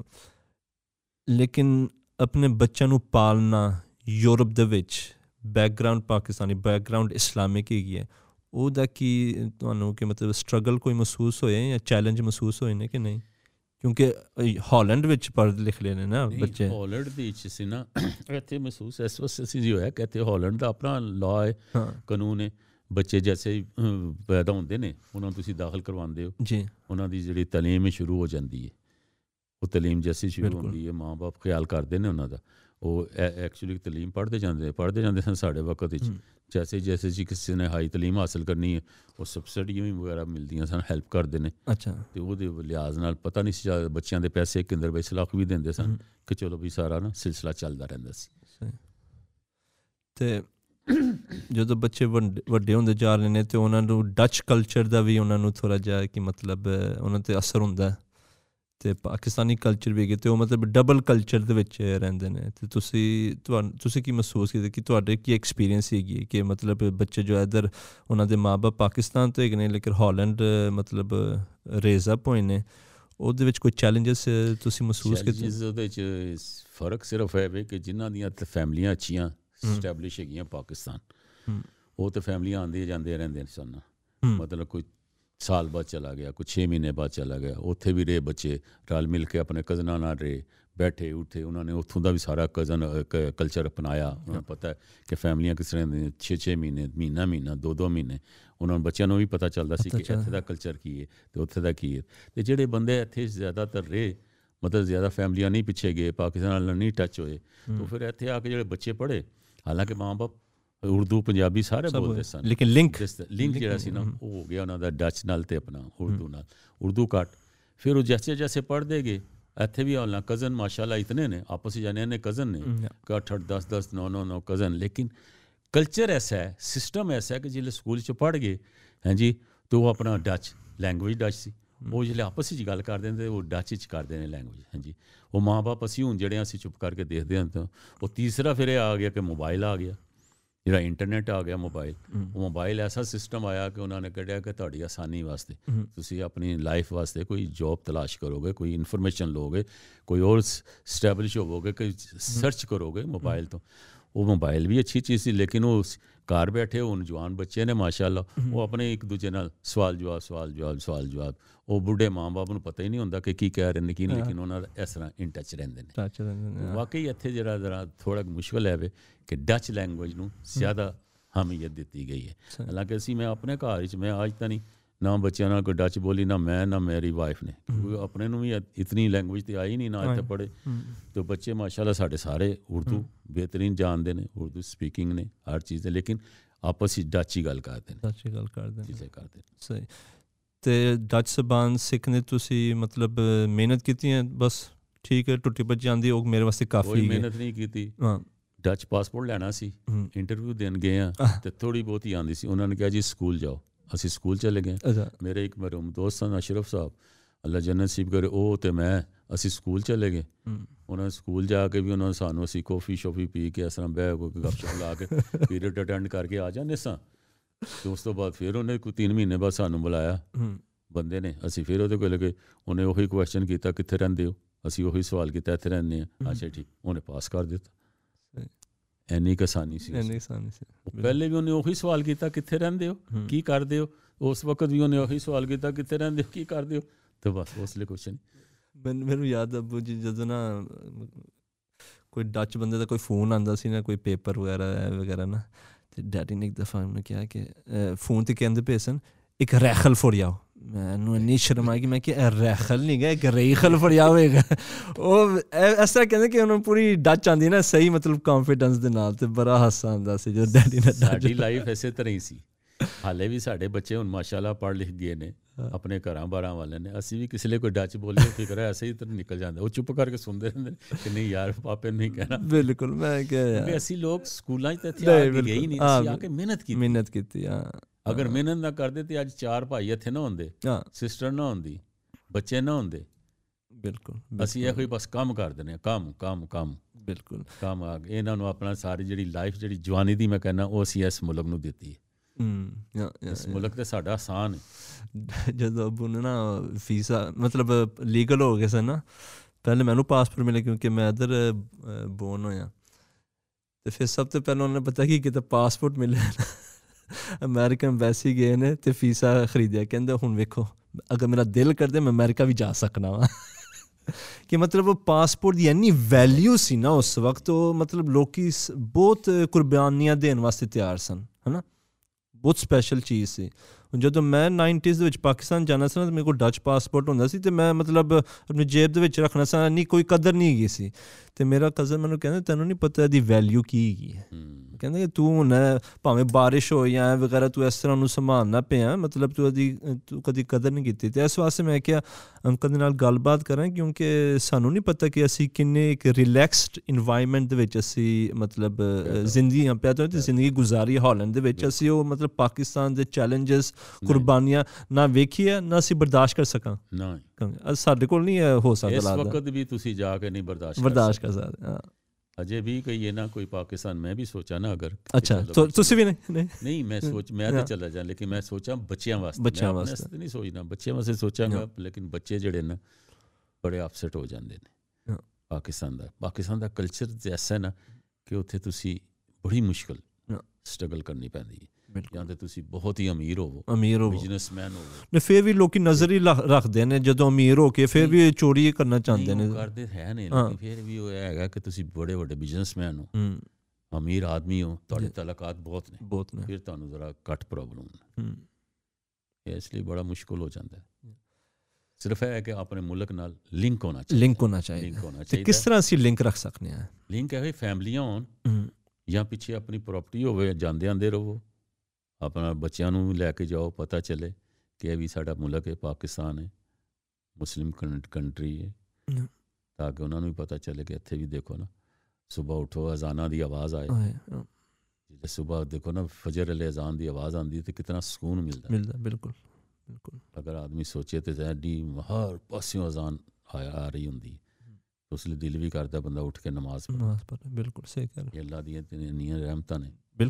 ਅੱਲਾ ਦੀਆਂ ਰਹਿਮਤਾਂ ਤੇ ਮੁਲਕ ਪਾਕਿਸਤਾਨ ਵਾਲੇ ਚੱਲ ਰਿਹਾ। ਬਿਲਕੁਲ ਸਹੀ ਕਹਿ ਰਹੇ। ਬਾਕੀ ਬੰਦੇ ਉੱਥੇ ਕੋਈ ਐਸੇ ਨਹੀਂ ਇਸ ਕਾਬਲ। ਇਸ ਵਕਤ ਵੀ ਦੇਖ ਲਓ ਤੁਸੀਂ ਆਪਣਾ ਆਪਣੀ ਕੁਰਸੀਆਂ ਦੀ ਲਾਲਚ। ਬਿਲਕੁਲ। ਹੈ। ਉਹ ਮੁਲਕ ਦਾ ਦੇਖੋ ਯਾਰ ਤੁਸੀਂ। ਅਗਰ ਕੋਈ ਮੁਲਕ ਦਾ ਅੱਛਾ ਸੋਚਦਾ ਤੇ ਉਹਦਾ ਉਹਦਾ ਸਾਥ ਦਿਓ। ਬਿਲਕੁਲ। ਤੇ 90s ਦੇ ਵਿੱਚ ਬੱਚੇ ਵੀ ਵੱਡੇ ਹੁੰਦੇ ਜਾ ਰਹੇ ਨੇ ਫਿਰ ਸ਼ਾਦੀਆਂ ਦੇ ਬਾਰੇ ਵੀ ਸੋਚਣੇ ਪੈਂਦੀਆਂ ਨੇ। ਪਾਕਿਸਤਾਨੀ ਕਮਿਊਨਿਟੀ ਜੋ ਹੈਗੀ ਹਾਲੈਂਡ ਦੇ ਵਿੱਚ ਉਹਨਾਂ ਦਾ ਕੀ ਚੈਲੰਜਸ ਹੁੰਦੇ ਸਨ ਰਿਸ਼ਤੇ ਦੇ ਦੌਰਾਨ? ਲਾਹੌਰੀਆਂ ਦੇ ਗੁਜਰਾਤੀ ਉਹਨਾਂ ਦੇ ਚੈਲੰਜ ਤੇ ਨਹੀਂ ਹੁੰਦੇ ਲੋਰੀਏ ਤੇ ਨਹੀਂ ਸਨ। ਲੋਰੀ ਅਸਲ ਵਿੱਚ ਗਾਉਂ ਮੈਂ ਦੱਸਿਆ ਨਾ ਦਿਹਾਤੀ ਉਹ ਸਮਝਦੇ ਸਨ ਕਿ ਸ਼ਹਿਰ ਦੇ ਨੇ ਨਾ। ਅੱਛਾ। ਸ਼ਹਿਰ ਉਹਨਾਂ ਨੂੰ ਸਿਰਫ ਲਾਹੌਰ ਦਾ ਨਾਂ ਯਾਦ ਹੁੰਦਾ ਸੀ। ਅੱਛਾ ਇਸ ਵਾਸਤੇ ਉਹਨਾਂ ਨੇ ਖੁਦ ਨਾਂ ਬਣਾਇਆ ਬਣਾ ਲਿਆ ਸੀ ਅੱਛਾ। ਆਪਣੇ ਦੋਸਤਾਂ ਯਾਰਾਂ ਨਾਲ ਕਿ। ਲੋਰੀਏ ਨਾ ਮਤਲਬ ਸ਼ਹਿਰੀਏ। ਸ਼ਹਿਰੀਏ ਸ਼ਹਿਰੀਆਂ ਨੂੰ ਮਤਲਬ ਹਰ ਕੋਈ ਸ਼ਹਿਰ ਦਾ ਕਿਸੇ ਸ਼ਹਿਰ ਦਾ ਕਿਸੇ ਸ਼ਹਿਰ ਦਾ ਸਾਨੂੰ ਲੋਰੀਏ ਅੱਛਾ। ਤੇ ਉਹ ਸ਼ਾਦੀਆਂ ਦਾ ਇੱਥੇ ਸਿਸਟਮ ਐ ਸੀ ਕਿ ਉਹ ਉਹਨਾਂ ਦੀ ਮੈਜੋਰਟੀ ਉਹਨਾਂ ਦੀ ਸੀ ਨਾ ਇੱਥੇ। ਹਮ ਤੇ ਉਹ ਆਪਣੀਆਂ ਫੈਮਲੀਆਂ 'ਚ ਹੀ ਕਰਦੇ ਸਨ ਪਿੱਛੇ। ਸ਼ਾਦੀਆਂ। ਕਰਦੇ ਸਨ। ਲਾਹੌਰੀਆਂ ਨੂੰ ਨਹੀਂ ਅੰਨਾ ਸੀ। ਜ਼ਿਆਦਾ ਪਾਕਿਸਤਾਨੀ ਠੀਕ ਹੈ। ਉਹ ਪਾਕਿਸਤਾਨੀ ਠੀਕ ਹੈ ਬਸ ਠੀਕ ਹੈ ਬਸ। ਉਹ ਆਪਣੀਆਂ ਫੈਮਲੀਆਂ 'ਚ ਕਰਦੇ ਸਨ ਤੇ ਜਿਹੜੇ ਆਪਣੇ ਸ਼ਹਿਰ ਸ਼ਹਿਰ ਦੇ ਲੋਕ ਸਨ ਉਹਨਾਂ ਦੀਆਂ ਇੰਨੀਆਂ ਫੈਮਲੀਆਂ ਪਿੱਛੇ ਸਟੈਬਲਿਸ਼ ਤੇ ਨਹੀਂ ਸਨ ਹੈਗੀਆਂ ਜਿਨ੍ਹਾਂ ਦੀ ਐ ਸਨ ਉਹ ਲੈ ਸਨ. ਜਾਂ ਜਾਂ ਕੁਦਰਤੀ ਜਾਏ ਤੇ ਕਿਸੇ ਨਾਲ ਉਹ ਕਰ ਕੋਈ ਫੈਮਲੀ ਕਿਸੇ ਨੂੰ ਪਸੰਦ ਆ ਜਾਏ। ਜਾਂ ਦੇਖ ਲੈਣ ਹਮ, ਤੇ ਦੇਖਭਾਲ ਕਰਕੇ ਵੀ ਹਾਂ ਸਾਨੂੰ ਇਹ ਲੜਕਾ ਪਸੰਦ ਹੈ ਫੋਰ ਐਗਜ਼ਾਮਪਲ ਮੇਰਾ ਬੱਚਾ ਕੋਈ ਹਮ, ਅਗਰ ਉਹ ਪਾਕਿਸਤਾਨ ਜਾਏ ਜਾਂ ਪਾਕਿਸਤਾਨੀ ਹੈ ਕਹਿਣ ਵੀ ਹਾਂ ਵੀ ਠੀਕ ਹੈ ਅਗਰ ਉਹ ਤੇ ਮਾਂ-ਬਾਪ ਨੂੰ ਅਗਰ ਪਸੰਦ ਆ ਜਾਏ ਠੀਕ ਹੈ ਲੇਕਿਨ ਮਾਹੌਲ ਇਸ ਵਕਤ ਹੈ ਵੀ ਕਿ ਜਦ ਤੱਕ ਲੜਕੀ ਲੜਕੇ ਦੀ ਅੰਡਰਸਟੈਂਡਿੰਗ ਨਹੀਂ ਹੁੰਦੀ ਉਨੀ ਦੇਰ ਤੱਕ ਨਹੀਂ ਸਿਸਟਮ ਠੀਕ ਹੁੰਦਾ تو اس وقت مطلب زیادہ ماں باپ کا ہاں، مطلب جو جو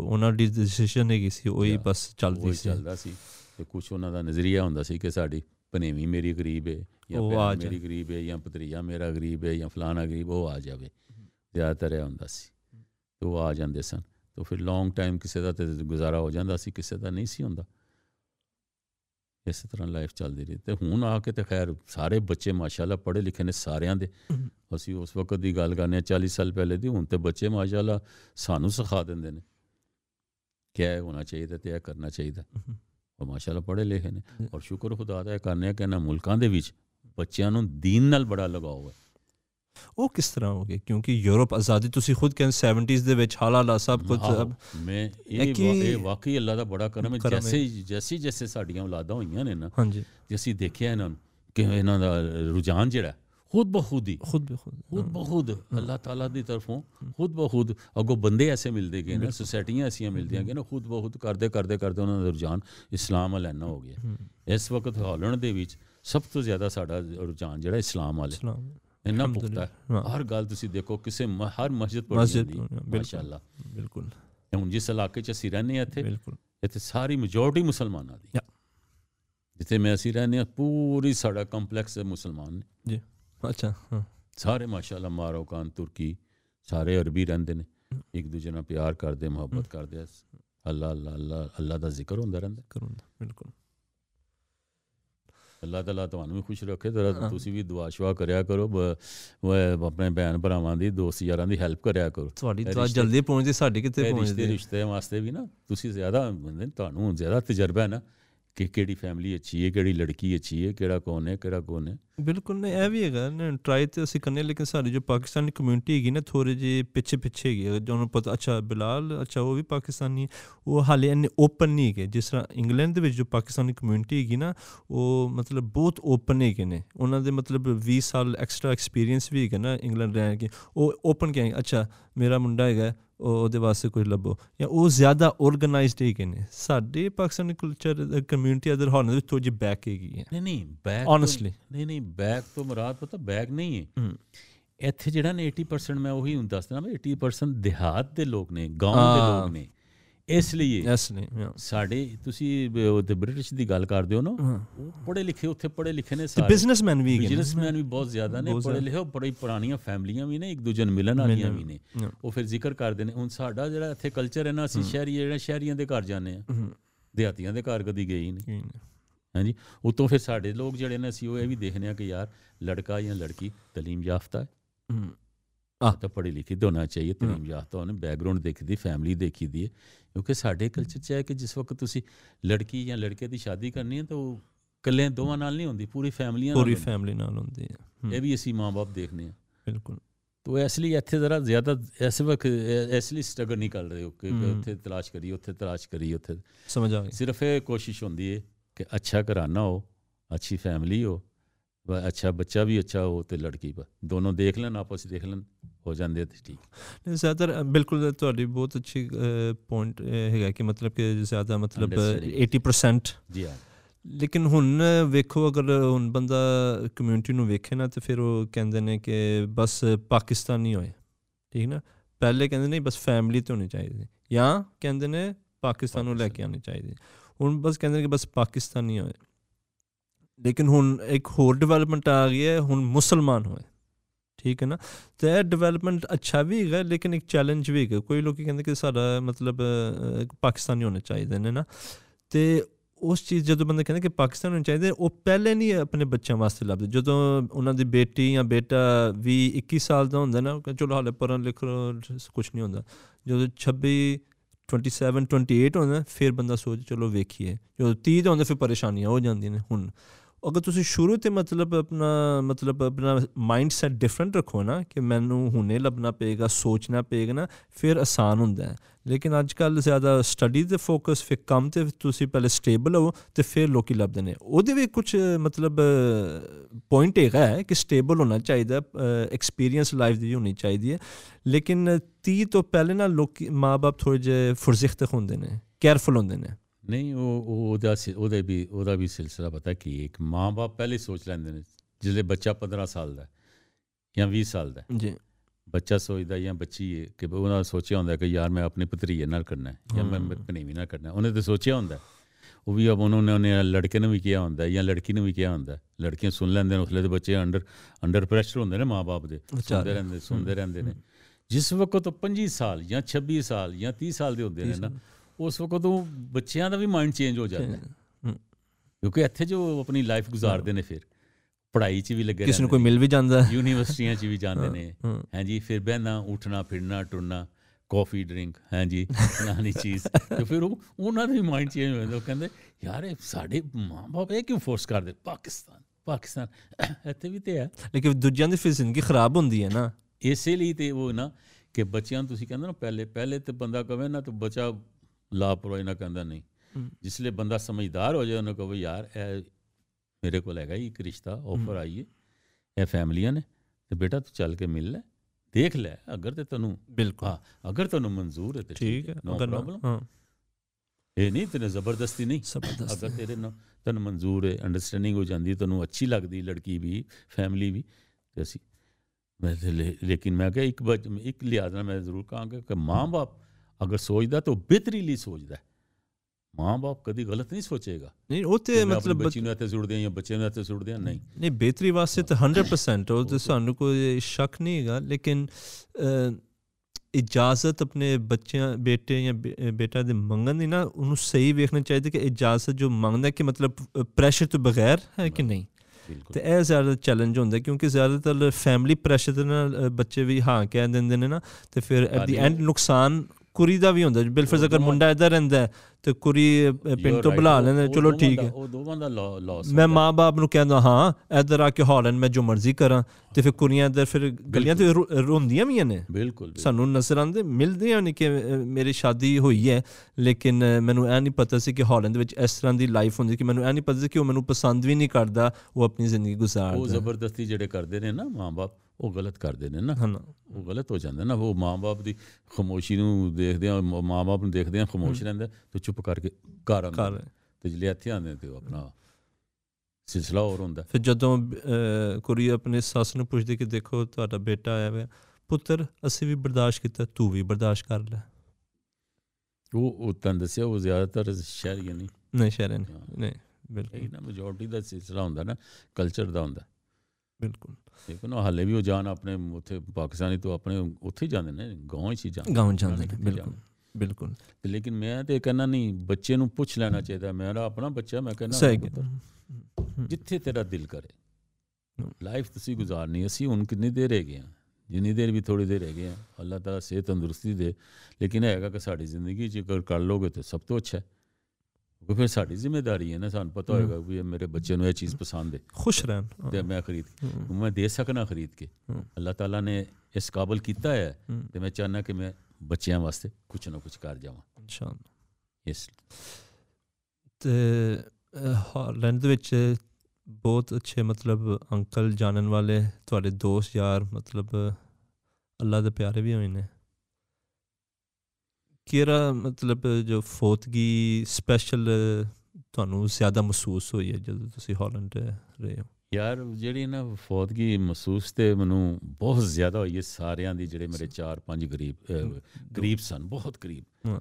ਮਤਲਬ ਸ਼ੁਰੂ ਤੋਂ ਅਸੀਂ ਇਕੱਠੇ ਹੀ ਬਹਿਣਾ ਉੱਠਣਾ ਹੱਸਣਾ ਖੇਡਣਾ ਕੰਮ ਤੇ ਜਾਣਾ। ਉਹ ਚਾਰ ਜਿਹੜੇ ਬੰਦੇ ਸਨ ਐਡੇ ਰੌਣਕੀ ਬੰਦੇ ਸਨ ਅੱਲਾਹ ਤਾਲਾ ਉਹਨਾਂ ਨੂੰ ਜਿੰਨਤ ਤੁਸੀਂ ਜਗ੍ਹਾ ਦੇ ਆਮੀਨ। ਫਰਮਾਏ। ਆਮੀਨ। ਅਸ਼ਰਫ ਮਹਿਰੂਮ ਸੀ ਹਮ। ਮੇਰਾ ਖਲੀਲ ਬ੍ਰਦਰ ਸੀ ਫਿਰ ਅਯੂਬ ਸੀ ਹਮ, ਇਹ ਸਾਰੇ ਸੀ ਲਾਹੌਰ ਸ਼ਹਿਰ ਦੇ ਹਮ, ਇਹ ਖਲੀਲ ਬ੍ਰਦਰ ਸਿਆਲਕੋਟ ਦੇ ਸਨ ਸਿਆਲਕੋਟ। ਇੱਕ ਮੇਰਾ ਅ, ਮੁਹੰਮਦ ਅਰਸ਼ਦ ਹਮ, ਹੈ ਜੀ ਡਾਰ ਤੇ ਮਾਸ਼ਾਅੱਲਾ ਉਹ ਬੜੇ ਰੌਣਕੀ ਬੰਦੇ ਸਨ ਹਮ, ਹਰ ਕਿਸੇ ਦਾ ਦਿਲ ਨਹੀਂ ਦੁਖਾਣਾ ਕੁਝ ਨਹੀਂ ਕਹਿਣਾ ਹੱਸਦਾ ਮਜ਼ਾਕ ਕਰਨਾ ਹੱਸਣਾ ਖੇਡਦਾ ਰਹਿਣਾ ਜੇ ਕੰਮ ਬਸ ਫਿਰ ਉਹ ਜਿਸਲੇ ਆਹਿਸਤਾ ਆਹਿਸਤਾ ਆਹਿਸਤਾ ਮਿਹਨਤ ਕਰ ਕਰਕੇ ਬੀਵੀਆਂ ਆ ਗਈਆਂ ਬੱਚੇ ਹੋ ਗਏ ਫਿਰ ਆਪਣੀ ਲਾਈਫ ਵਿੱਚ ਮਗਨ ਹੋ ਗਏ। ਉਸ ਤੋਂ ਬਾਅਦ ਫਿਰ ਉਹਨਾਂ ਦੀ ਜਿੰਨੀ ਲਿਖੀ ਸੀ ਆਪਣੀ ਉਹਨਾਂ ਨੇ ਗੁਜ਼ਾਰੀ ਅੱਲਾ ਨੂੰ ਪਿਆਰੇ ਹੋ ਗਏ।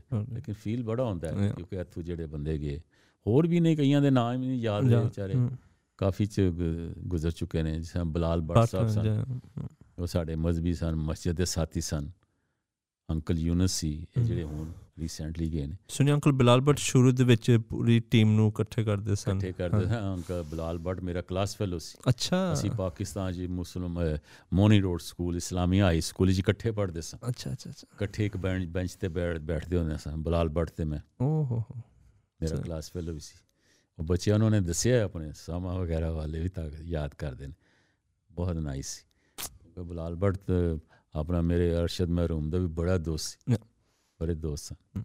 ਉਹਨਾਂ ਨਾਲ ਵੀ ਗੱਪਸ਼ਪ ਲੱਭਦੀ ਸੀ ਤੇ ਉਹਨਾਂ ਨੇ ਬਹੁਤ ਟਰਾਈ ਕੀਤੀ ਮਤਲਬ ਤਬਲੀਗੀ ਜਮਾਤ ਬਹੁਤ- ਬਹੁਤ ਬਹੁਤ ਮਤਲਬ ਮਿਹਨਤ ਕੀਤੀ ਉਹ ਇਤਨਾ ਚੇਂਜ ਆਦਮੀ ਹੋਇਆ ਸੀ ਕਿ ਹਮ। ਬੰਦਾ ਸੋਚ ਨਹੀਂ ਸਕਦਾ ਸਮਝ ਨਹੀਂ ਸਕਦਾ। ਸੁਣਿਆ ਹਾਂ ਬਹੁਤ ਚੇਂਜ ਹੋਇਆ ਸੀ ਔਰ ਅੱਲਾਹ ਤਾਲਾ ਨੇ ਬੜਾ ਅਰੂਸ਼ ਉਹਨੂੰ ਫਿਰ ਦਿੱਤਾ ਉਹ ਤੇ ਹੁਣ ਇਸ ਤਰ੍ਹਾਂ ਤਬਲੀਗ ਕਰਦਾ ਸੀ ਜਿਸ ਤਰ੍ਹਾਂ ਮੌਲਾਨਾ ਤਾਹਿਰ ਜਮੀਲ ਸਾਹਿਬ ਕਰਦੇ ਨੇ Yeah. ਇਸ ਤਰ੍ਹਾਂ ਕਰਦਾ ਹੁੰਦਾ ਸੀ ਬੰਦਿਆਂ ਨੂੰ ਇੱਥੋਂ ਤੱਕ ਸਾਡਾ ਸਿਲਸਿਲਾ ਹੋ ਗਿਆ ਸੀ ਅੱਲਾਹ ਉਹਨਾਂ ਨੂੰ ਜੰਨਤ ਨਸੀਬ ਮਾਸ਼ਾਅੱਲਾ ਸਾਨੂੰ ਖੁਸ਼ੀ ਹੁੰਦੀ ਮੈਨੂੰ ਆਪਣੇ ਦੋਸਤਾਂ ਦੇ ਬੱਚੇ ਦੇਖ ਕੇ। ਹੁਣ ਅਰਸ਼ਦ ਡਾਰ ਸਾਹਿਬ ਦੇ ਬੱਚੇ ਮਾਸ਼ਾਅੱਲਾ ਇਤਨੇ ਇੰਟੈਲੀਜੈਂਟ ਨੇ ਮੇਰੇ। ਅਰਸ਼ਦ ਦੋਸਤ ਦੇ। ਕਿ ਕਿਆ ਉਹਨਾਂ ਦਾ ਬਲਾਲ ਬੇਟਾ ਹੈ ਮਾਸ਼ਾਅੱਲਾ ਇਤਨਾ ਇੰਟੈਲੀਜੈਂਟ ਹੈ। ਮੈਂ ਉਹਨਾਂ ਦੇ ਪ੍ਰੋਗਰਾਮ ਵੀ ਦੇਖਣਾ ਹਮ। ਕਿ ਦੇਖੋ ਮੇਰੇ ਸਾਹਮਣੇ ਮੇਰੇ ਹੱਥਾਂ 'ਚ ਪੈਦਾ ਹੋਏ ਨੇ ਮਾਸ਼ਾਅੱਲਾ ਇਤਨਾ ਅੱਛਾ ਉਹਨੇ ਸਟਰਗਲ ਕਰ ਰਹੇ ਨੇ ਇਸਲਾਮ ਦੇ ਬਾਰੇ 'ਚ ਕਰ ਰਹੇ ਨੇ ਜ਼ਿਆਦਾ ਖੁਸ਼ੀ ਇਹ ਹੁੰਦੀ ਕਿ ਇਸਲਾਮ ਦੇ ਬਾਰੇ ਜਿਹੜਾ ਨਾ ਹਮ। ਉਹ ਸਟਰਗਲ ਕਰ ਰਹੇ ਨੇ ਇਸਲਾਮ ਦੇ ਬਾਰੇ ਸਭ ਕੁਝ ਕਰ ਰਹੇ ਨੇ ਉਹਨਾਂ ਦਾ ਭਾਈ ਜਿਹੜੇ ਦੂਸਰੇ ਨੇ ਹਮ। ਮੈਨੂੰ ਅੱਛਾ। ਨਾਂ ਦੂਸਰੇ ਦਾ ਹੀ ਭੁੱਲ ਗਿਆ ਉਹ ਤੇ ਤੁਹਾਡਾ ਫੇਵਰਟ ਹੈਗਾ ਫੇਵਰਟ ਤੇ ਹੈਗਾ ਸੀ ਨਾਂ ਕੀ ਸੀ ਅਹ ਮਾਵੀਆ ਮਾਵੀਆ ਨਾਮ ਹੀ ਤਾਂ ਉਹ ਇਸਲਾਮੀ ਰੱਖਿਆ ਨਾ ਐਡਾ ਮੁਸ਼ਕਲ ਕਿ ਮਾਵੀਆ ਮੈਂ ਤੁਹਾਨੂੰ ਫਾਤ ਕਹਿਣਾ ਸਾ ਹਾਂ। ਹਾਂ ਫਾਤ ਹਾਂ ਫਾਤ ਮਾਸ਼ਾਅੱਲਾ ਉਹ ਵੀ ਤੇ ਦੂਸਰਾ ਮੇਰਾ ਇੱਕ ਹੈਗਾ ਉਹ ਹੀ ਸੀ ਤੇ sports- ਤੁਹਾਡਾ ਹਾਂ। ਇੱਕ ਸਪੋਰਟਸ ਮੈਂ ਮੈਂ ਸਪੋਰਟਸ ਕਰਨ ਜਾਣਾ ਹੁੰਦਾ ਸੀ ਉੱਥੇ ਵੀ ਇੱਕ ਮੇਰੇ ਦੋ ਦੋਸਤ ਦਾ ਬੇਟਾ ਨਾ ਅਰਸ਼ਦ ਮਹਿਰੂਮ ਦਾ ਮੁਹੰਮਦ ਕਾਸਮ ਹਮ। ਉਹ ਮੇਰੇ ਨਾਲ ਹੀ ਮੈਂ ਨਹੀਂ ਲੋ ਬਾਂਧ ਤੇ ਜੋਬ ਕਰਦਾ ਹੁੰਦਾ ਕਰਦਾ ਹੁੰਦਾ ਸੀ ਮੈਂ ਕਹਿੰਦਾ ਸੀ, ਤੂੰ ਪ- ਪਤਲਿਆ ਨਹੀਂ ਹੋਣਾ ਤੂੰ ਮੋਟੇ ਰਹਿਣਾ ਉਹ ਵੀ ਮਾਸ਼ਾਅੱਲਾ ਉਹ ਪਤਲਾ ਮਾਸ਼ਾਅੱਲਾ ਉਹਦੇ ਤੁਸੀਂ ਉਹਨੂੰ ਬੇਟੇ ਤੰਗ ਕਰਦੇ ਕਹਿੰਦੇ ਤੂੰ ਹਾਂ। ਇੱਕ ਅਮੀਰਾਂ ਦਾ ਇੱਕੋ ਹੀ ਕਲਾਸ ਦੇ ਵਿੱਚ ਉਹਦੇ- ਬੈਠ ਹਾਂ ਉਹਦੇ ਬੱਚੇ ਵੀ ਮਾਸ਼ਾਅੱਲਾ ਮਾਸ਼ਾਅੱਲਾ ਮਾਸ਼ਾਅੱਲਾ ਅੱਲਾਹ ਤਾਲਾ ਨਜ਼ਰ ਤੋਂ ਬਚਾਏ ਨੇ ਹਾਂ। ਬਹੁਤ ਅੱਛੇ ਬਹੁਤ ਅੱਛੇ ਨੇ ਹਾਂ। ਅਸੀਂ ਘਰ ਵੀ ਜ਼ਿਕਰ ਕਰਦੇ ਰਹਿੰਦੇ ਹਾਂ ਬਹੁਤ ਅੱਛੇ ਉਹ ਤੋਂ ਜਿਹੜੇ ਮੇਰੇ ਬਲਾਲ ਦੀ ਸ਼ਾਦੀ ਜਿੱਥੇ ਹੋਈ ਹੈ ਬਲਾਲ ਡਾਰ ਸਾਹਿਬ ਦੀ ਉਹ ਵੀ ਫੈਮਿਲੀ ਬਹੁਤ ਅੱਛੀ ਹੈ ਡਾਰ ਸਾਹਿਬ ਤੁਸੀਂ ਕਿਉਂ ਵਿੱਚ ਵਾਰਦੇ ਪਏ ਹੋ? ਅਸੀਂ ਮੀਆਂ ਗੁਲਾਮ ਨਬੀ ਦੀ ਔਲਾਦ ਹੈਗੇ ਹਾਂ ਠੀਕ ਅਸੀਂ ਰਾਜਪੂਤ ਹੈਗੇ ਹਾਂ ਅਸੀਂ ਕੋਈ ਕਸ਼ਮੀਰੀ ਕਸ਼ਮੀਰੀ ਅੱਛਾ, ਨਹੀਂ ਕਸ਼ਮੀਰੀ ਨਹੀਂ ਇੱਕ ਡਾਰ ਕਸ਼ਮੀਰੀ ਨਹੀਂ ਉਹ ਇੱਕ ਲੈਦਾ ਹੀ ਹੈ। ਡਾਰ ਵੀ ਲੈਦਾ ਹੀ ਇੱਕ ਹੁੰਦੇ ਨੇ ਉਹ ਅਰਸ਼ਦ ਹੀ ਬੜਾ ਕਹਿੰਦਾ ਹੁੰਦਾ ਸੀ ਆਪਣੇ ਆਪ। ਅੱਛਾ ਕੀ ਗੱਲ? ਅੱਛਾ। ਡਾਰ ਡਾਰ ਅਰਸ਼ਦ ਹਾਂ ਬੱਟ ਸਾਹਿਬ ਉਹਨਾਂ ਨੂੰ ਕਹਿੰਦੇ ਹਾਂ, ਸੀ ਨਾ ਉਹਨਾਂ ਹਾਕੀ। ਹਾਂ ਕਿ ਬੱਟ ਸਾਹਿਬ ਕਿਉਂਕਿ ਵਾਈਟ ਹੈਗੇ ਸਨ ਹੱਸਦਾ ਕਸ਼ਮੀਰੀ। ਹਾਂ। ਵਾਈਟ ਸੀ ਸੋ ਖੂਬਸੂਰਤ ਸੀ ਮਾਸ਼ਾਅੱਲਾ। ਹਾਂ। ਤੁਹਾਡੀ ਲਾਸਟ ਐਡਵਾਈਸ ਯੰਗਸਟਰਸ ਨੂੰ ਕੀ ਹੈਗੀ ਹੈ? ਲਾਸਟ ਮੇਰੀ ਐਡਵਾਈਸ ਇਹੋ ਹੀ ਹੈ ਕਿ ਪਹਿਲੇ ਤੇ ਜਿਨ੍ਹਾਂ ਦੇ ਮਾਪੇ ਹਯਾਤ ਨੇ ਉਹਨਾਂ ਦੀ ਇੱਜ਼ਤ ਕਰਨ।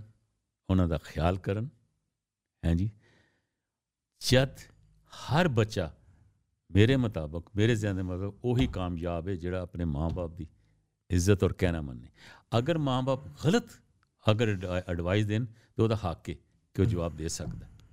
ਉਹ ਕਹਿ ਸਕਦਾ ਹੈ ਕਿ ਮੇਰੀ ਇਹ ਮਰਜ਼ੀ ਨਹੀਂ ਠੀਕ ਹੈ ਉਹ ਵੀ ਰਿਸਪੈਕਟ ਦੇ ਨਾਲ Respect ਕੁਰਾਨ ਨਾਲ, ਕੁਰਾਨ respect ਮਜੀਦ ਨਾਲ। ਬਿਲਕੁਲ ਰਿਸਪੈਕਟ ਨਾਲ ਹਮ। ਜੋ ਕੁਰਾਨ ਔਰ ਕੁਰਾਨ ਹਦੀਸ ਨੇ ਉਹ ਤੇ ਇੱਥੋਂ ਤੱਕ ਵੀ ਹੈ ਨਾ ਸਾਡੇ ਕਲਚਰ 'ਚ ਕਿ ਤੁਸੀਂ ਅੱਖ ਉਠਾ ਕੇ ਵੀ ਨਹੀਂ ਦੇ ਸਕਦੇ। ਬਿਲਕੁਲ। ਠੀਕ ਹੈ ਕਿ ਨਹੀਂ? ਅੱਖ ਉਠਾ ਕੇ ਵੀ ਨਹੀਂ ਅੱਖ ਨੀਂ ਕਰਕੇ ਤੁਸੀਂ ਦੇਖੋ ਮਾਂ-ਬਾਪ ਨੂੰ। ਬਿਲਕੁਲ। ਹੈ ਜੀ? ਇਸ ਤਰ੍ਹਾਂ ਵੀ ਨਹੀਂ ਕਰਕੇ ਦੇਖ ਸਕਦੇ। ਤੇ ਲਿਆਜ਼ਾ ਉਹਨਾਂ ਦਾ ਵੀ ਉਹ ਇਤਰਾਮ ਕਰਨ ਔਰ ਬੱਚੇ ਨਾਲ ਵੀ ਉਸੇ ਤਰ੍ਹਾਂ ਮਾਂ-ਬਾਪ ਪਿਆਰ ਕਰਨ ਜੋ ਉਹਦੀ ਮਰਜ਼ੀ ਹੈ। ਅਗਰ ਅੱਛੇ ਪਾਸੇ ਜਾਂਦਾ ਤਾਂ ਕਹਿਣ ਠੀਕ ਹੈ। ਅਗਰ ਗਲਤ ਕਹਿੰਦਾ ਤੇ ਉਹਨੂੰ ਮਨਾ ਕਰ ਸਕਦੇ ਨੇ ਕਿ ਵੀ ਇਹ ਬੇਟਾ ਤੇਰੇ ਵਾਸਤੇ ਠੀਕ ਨਹੀਂ। ਬਾਕੀ ਇੱਥੇ ਦਾ ਜਿਹੜਾ ਕਲਚਰ ਹੈ ਉਹ ਤੇ ਹੁਣ ਖੁਦ ਬੱਚੇ ਸਮਝਦਾਰ ਨੇ ਜਿਹੜੇ ਮਤਲਬ ਮਾਸ਼ਾਅੱਲਾ 25 30 ਸਾਲ 30 ਸਾਲ ਦੇ ਹੋ ਗਏ ਨੇ ਉਹਨਾਂ ਨੂੰ ਪਤਾ ਹਰ ਕਲਚਰ ਦਾ। ਉਹ ਹਰ ਗੱਲ ਨੂੰ ਸਮਝਦੇ ਨੇ। ਉਹ ਵੀ ਜ਼ਿਆਦਾ ਇਸਲਾਮ ਨੂੰ ਸਮਝਦੇ ਨੇ ਇਸਲਾਮ ਦੀ ਸਟੱਡੀ ਕਰਦੇ ਨੇ। ਉਹਨਾਂ ਨੂੰ ਪਤਾ ਹੈ ਤਬਲੀਗ ਕਰਦੇ ਨੇ। ਬਹੁਤ ਅੱਛਾ ਹੈ। ਇਸੇ ਤਰ੍ਹਾਂ ਅੱਲਾ ਕਰੇ ਜਿਤਨੇ ਵੀ ਨੇ ਜਿੰਨਿਆਂ ਦੇ ਵੀ ਬੱਚੇ ਨੇ ਅੱਲਾਹ ਤਾਲਾ ਉਹਨਾਂ ਨੂੰ ਇਸਲਾਮ ਦੇ ਬਾਰੇ 'ਚ ਆਮੀਨ। ਇਸਲਾਮ ਦੀ ਤਰਫ ਲੈ ਕੇ ਜਾਏ ਇਸਲਾਮ ਦੇ ਬਾਰੇ 'ਚ ਉਹਨਾਂ ਨੂੰ ਤਬਲੀਗ ਕਰੋ। ਤਾਂ ਕਿ ਆਪਣਾ ਆਉਣ ਵਾਲਾ ਵਕਤ ਆਉਣ ਵਾਲੀਆਂ ਨਸਲਾਂ ਉਹਨਾਂ ਨੂੰ ਪਤਾ ਲੱਗੇ ਕਿ ਅਸੀਂ ਕਿਸ ਮੁਲਕ ਦੇ ਹਾਂ ਔਰ ਕਿਸ ਮਜ਼ਹਬ ਦੇ ਹਾਂ ਬਿਲਕੁਲ ਕਿ ਇਸਲਾਮ ਕਹਿੰਦਾ ਕੀ ਹੈ ਇਸਲਾਮ ਕੀ ਚੀਜ਼ ਹੈ ਥੈਂਕ ਯੂ ਇਹ ਮੇਰੀ advice. ਹੈ। ਥੈਂਕ ਯੂ ਸ਼ੁਕਰੀਆ ਬਹੁਤ ਬਹੁਤ ਤੁਹਾਡਾ ਟਾਈਮ ਦਾ ਅੰਕਲ ਇਨਸ਼ਾਅੱਲਾ ਬਹੁਤ ਸ਼ੁਕਰੀਆ ਨੇ ਮੈਨੂੰ ਖੁਸ਼ੀ ਹੋਈ ਹੈ ਕਿ ਅੱਜ ਮੇਰੇ ਬਲਾਲ ਨੇ ਜਿਹਨੂੰ ਮੈਂ ਆਪਣੀ ਗੋਦ ਵਿੱਚ ਖਿਡਾਇਆ ਹੈ ਹਾਂ। ਹੈ ਜੀ ਤੇ ਚੁੱਕ ਕੇ ਤੇ ਐ ਨੱਚਦਾ ਪਛਦਾ ਐ ਡਾਂਸ ਕਰਦਾ ਹਾਂ। ਰੱਬ ਅੱਲਾ ਨਹੀਂ ਮੇਰੇ ਡਾਂਸ ਉਹ ਮਤਲਬ ਹੈ ਹਿਲਦਾ ਜੁਲਦਾ ਛੋਟਾ 3 ਸਾਲ 4 ਸਾਲ ਦੱਸ ਦਾ ਕੁਝ ਜੋ ਕਹਿਣਾ ਸੀ ਕਿ ਦੱਸ ਦੋ। ਮਤਲਬ ਦੇਖੋ ਕਿ ਵਕਤ ਗੁਜ਼ਰਦਿਆਂ ਪਤਾ ਨਹੀਂ ਲੱਗਦਾ। ਕਿੱਥੇ ਮੈਂ ਡਾਂਸ ਕੀਤਾ? ਨਹੀਂ ਉਹ ਛੋਟਾ ਜਦੋਂ ਸੀ ਨਾ ਮੈਂ ਹੈ ਸਕ ਮੇਰਾ ਕੋਈ 4-5 ਸਾਲ ਦਾ ਸੀ। ਅਜ਼ੀਮ ਇੱਕ ਦੋਸਤ ਦਾ ਤੁਹਾਡਾ ਸੀ ਬਲਾਲ ਸੀ। ਹੋਰ ਸਨ ਸਾਰੇ ਛੋਟੇ ਛੋਟੇ ਛੜੇ ਇੱਕ ਫੰਕਸ਼ਨ ਸੀ ਸਾਡਾ। ਆਮਰ ਉਮਰ ਵਗੈਰਾ। ਹਾਂ ਸਾਰੇ ਛੋਟੇ ਛੋਟੇ। ਸਨ ਉਹ ਮੇਰੇ ਬ੍ਰਦਰ ਨੇ ਲਾ ਦਾ ਇੱਕ ਵਲੀਮਾ ਸੀ ਉਹਦੇ ਫੰਕਸ਼ਨ ਦੇ ਉੱਤੇ ਨਾ ਹੱਸਦੇ ਖੇਡਦੇ ਬਸ ਨੱਚਦੇ ਭੱਜਦੇ ਪਏ ਨੇ। ਤੋ ਐਂ ਜੀ ਲੱਗਦਾ ਜਿਸ ਤਰ੍ਹਾਂ ਬੰਦਾ ਡਾਂਸ ਕਰਦਾ ਤੇ ਬੱਚੇ ਮਾਂ-ਬਾਪ ਦੇਖ ਕੇ ਖੁਸ਼ ਹੁੰਦੇ ਨੇ ਬੱਚੇ ਐਨੋ ਦੌੜਦੇ ਭੱਜਦੇ ਤੇ ਅੱਜ ਯਾ- ਉਹ ਕੋਈ ਅੱਜ ਉਹ ਹੀ ਬਲਾਲ ਹੈ ਮਾਸ਼ਾਅੱਲਾ ਮਾਸ਼ਾਅੱਲਾ ਇਸਲਾਮ ਦੀ ਆਮੀਨ ਅੱਲਾਹ ਤਬਲੀਗ ਕਬੂਲ ਕਰ ਰਿਹਾ ਕਰੇ ਇਸਲਾਮ ਦੀ ਕਬੂਲ ਤਾਲੀਮ ਦੇ ਰਿਹਾ ਹੈ। ਕਬੂਲ ਕਰੋ ਇਹ ਸਭ ਤੋਂ ਅੱਛਾ ਮੈਨੂੰ ਖੁਸ਼ੀ ਹੁੰਦੀ ਹੈ। ਵੱਡਿਆਂ ਦੀ ਦੁਆਵਾਂ ਬਸ ਮਾਂ ਅੱਲਾਹ ਤਾਲਾ ਮਾਂ ਦੀ ਤੁਹਾਨੂੰ ਖੁਸ਼ ਦੁਆਵਾਂ ਰੱਖੇ। ਹਾਂ ਬਸ ਆਮੀਨ, ਆਪਣੀ ਮਾਂ-ਬਾਪ ਦੀ ਖਿਦਮਤ ਕਰੋ ਮਾਂ ਤੁਹਾਡੀ ਇਤਨੀ ਅੱਛੀ ਦੇਖ ਲਓ ਆਮੀਨ। ਕਿ ਮਾਂ ਵੀ ਮਾਂ ਦੀ ਤਾਰੀਫ ਦੇ ਕਾਬਿਲ ਹੈ ਇੱਕ ਕਿਸਮ ਨਾਲ ਉਹਨੇ ਵੀ ਐਸੀ ਜ਼ਿੰਦਗੀ ਆਪਣੀ ਗੁਜ਼ਾਰੀ Yeah, ਬਹੁਤ ਅੱਛੀ ਬਹੁਤ ਮੇਰੀ ਤੇ ਛੋਟੀ ਭੈਣਾਂ ਦੀ ਤਰ੍ਹਾਂ. ਮੈਂ ਤੇ ਹਮੇਸ਼ਾ ਉਹਨੂੰ ਰਿਸਪੈਕਟ ਦੇਣਾ ਨਾ ਬਿਲਕੁਲ ਸਾਰੇ ਇਸੇ ਤਰ੍ਹਾਂ ਫੈਮਲੀਆਂ ਮਿਲਦੇ ਗਿਲਦੇ ਰਹੋ ਆਪਣੀਆਂ ਫੈਮਲੀਆਂ ਵੀ ਤੇ ਦੂਸਰੇ ਵੀ ਆਪਣੇ ਯਾਰ ਦੋਸਤ ਵੀ ਜਿਹੜੇ ਨੇ. ਆਪਣੀਆਂ ਫੈਮਲੀਆਂ ਸਮਝੋ ਆਪਣੇ ਭੈਣ ਭਰਾ ਸਮਝੋ। ਫਿਰ ਪਤਾ ਚੱਲਦਾ ਕਿ ਵੀ ਇਹਨਾਂ ਦਾ ਪਿਆਰ ਮੁਹੱਬਤ ਹੈ ਇਤਫਾਕ ਪਿਆਰ ਮੁਹੱਬਤ ਵਿੱਚ ਬੜੀ ਬਰਕਤ ਹੈ। ਬਿਲਕੁਲ ਹੁਣ ਹੋਰ ਕੁਝ ਪੁੱਛਣਾ ਚਾਹੁੰਦੇ ਹੋ ਤਾਂ ਪੁੱਛ ਸਕਦੇ ਹੋ। ਇਸ ਤੋਂ ਬਾਅਦ ਮੈਂ ਕਿਹੜੇ ਅੰਕਲ ਨੂੰ ਬੁਲਾਵਾਂ ਅੰਕਲ ਸਹੀ ਡਾਰ ਨੂੰ ਬੁਲਾਓ। ਅੱਛਾ। ਉਹ ਤੇ ਤੁਹਾਨੂੰ ਆਪਣੀ ਪੂਰੀ ਹਿਸਟਰੀ ਦੱਸੇਗਾ ਨਾ। ਅੱਛਾ। ਕਿ ਉਹਦੇ ਨਾਲ ਅਸੀਂ ਯਾਰ ਦੋਸਤ ਕੀ ਕਰਨੇ ਸੀ। ਚਲੋ ਠੀਕ ਹੈ। ਇਧਰ ਹੀ ਅਸੀਂ ਐਂਡ ਕਰਨੇ ਆ ਸ਼ੁਕਰੀਆ ਬਹੁਤ ਬਹੁਤ ਅੰਕਲ ਜੀ। ਅਸਲਾਮ ਅਲੈਕੁਮ ਰਹਿਮਤੁਲਲਾਹ ਬਰਕਾਤ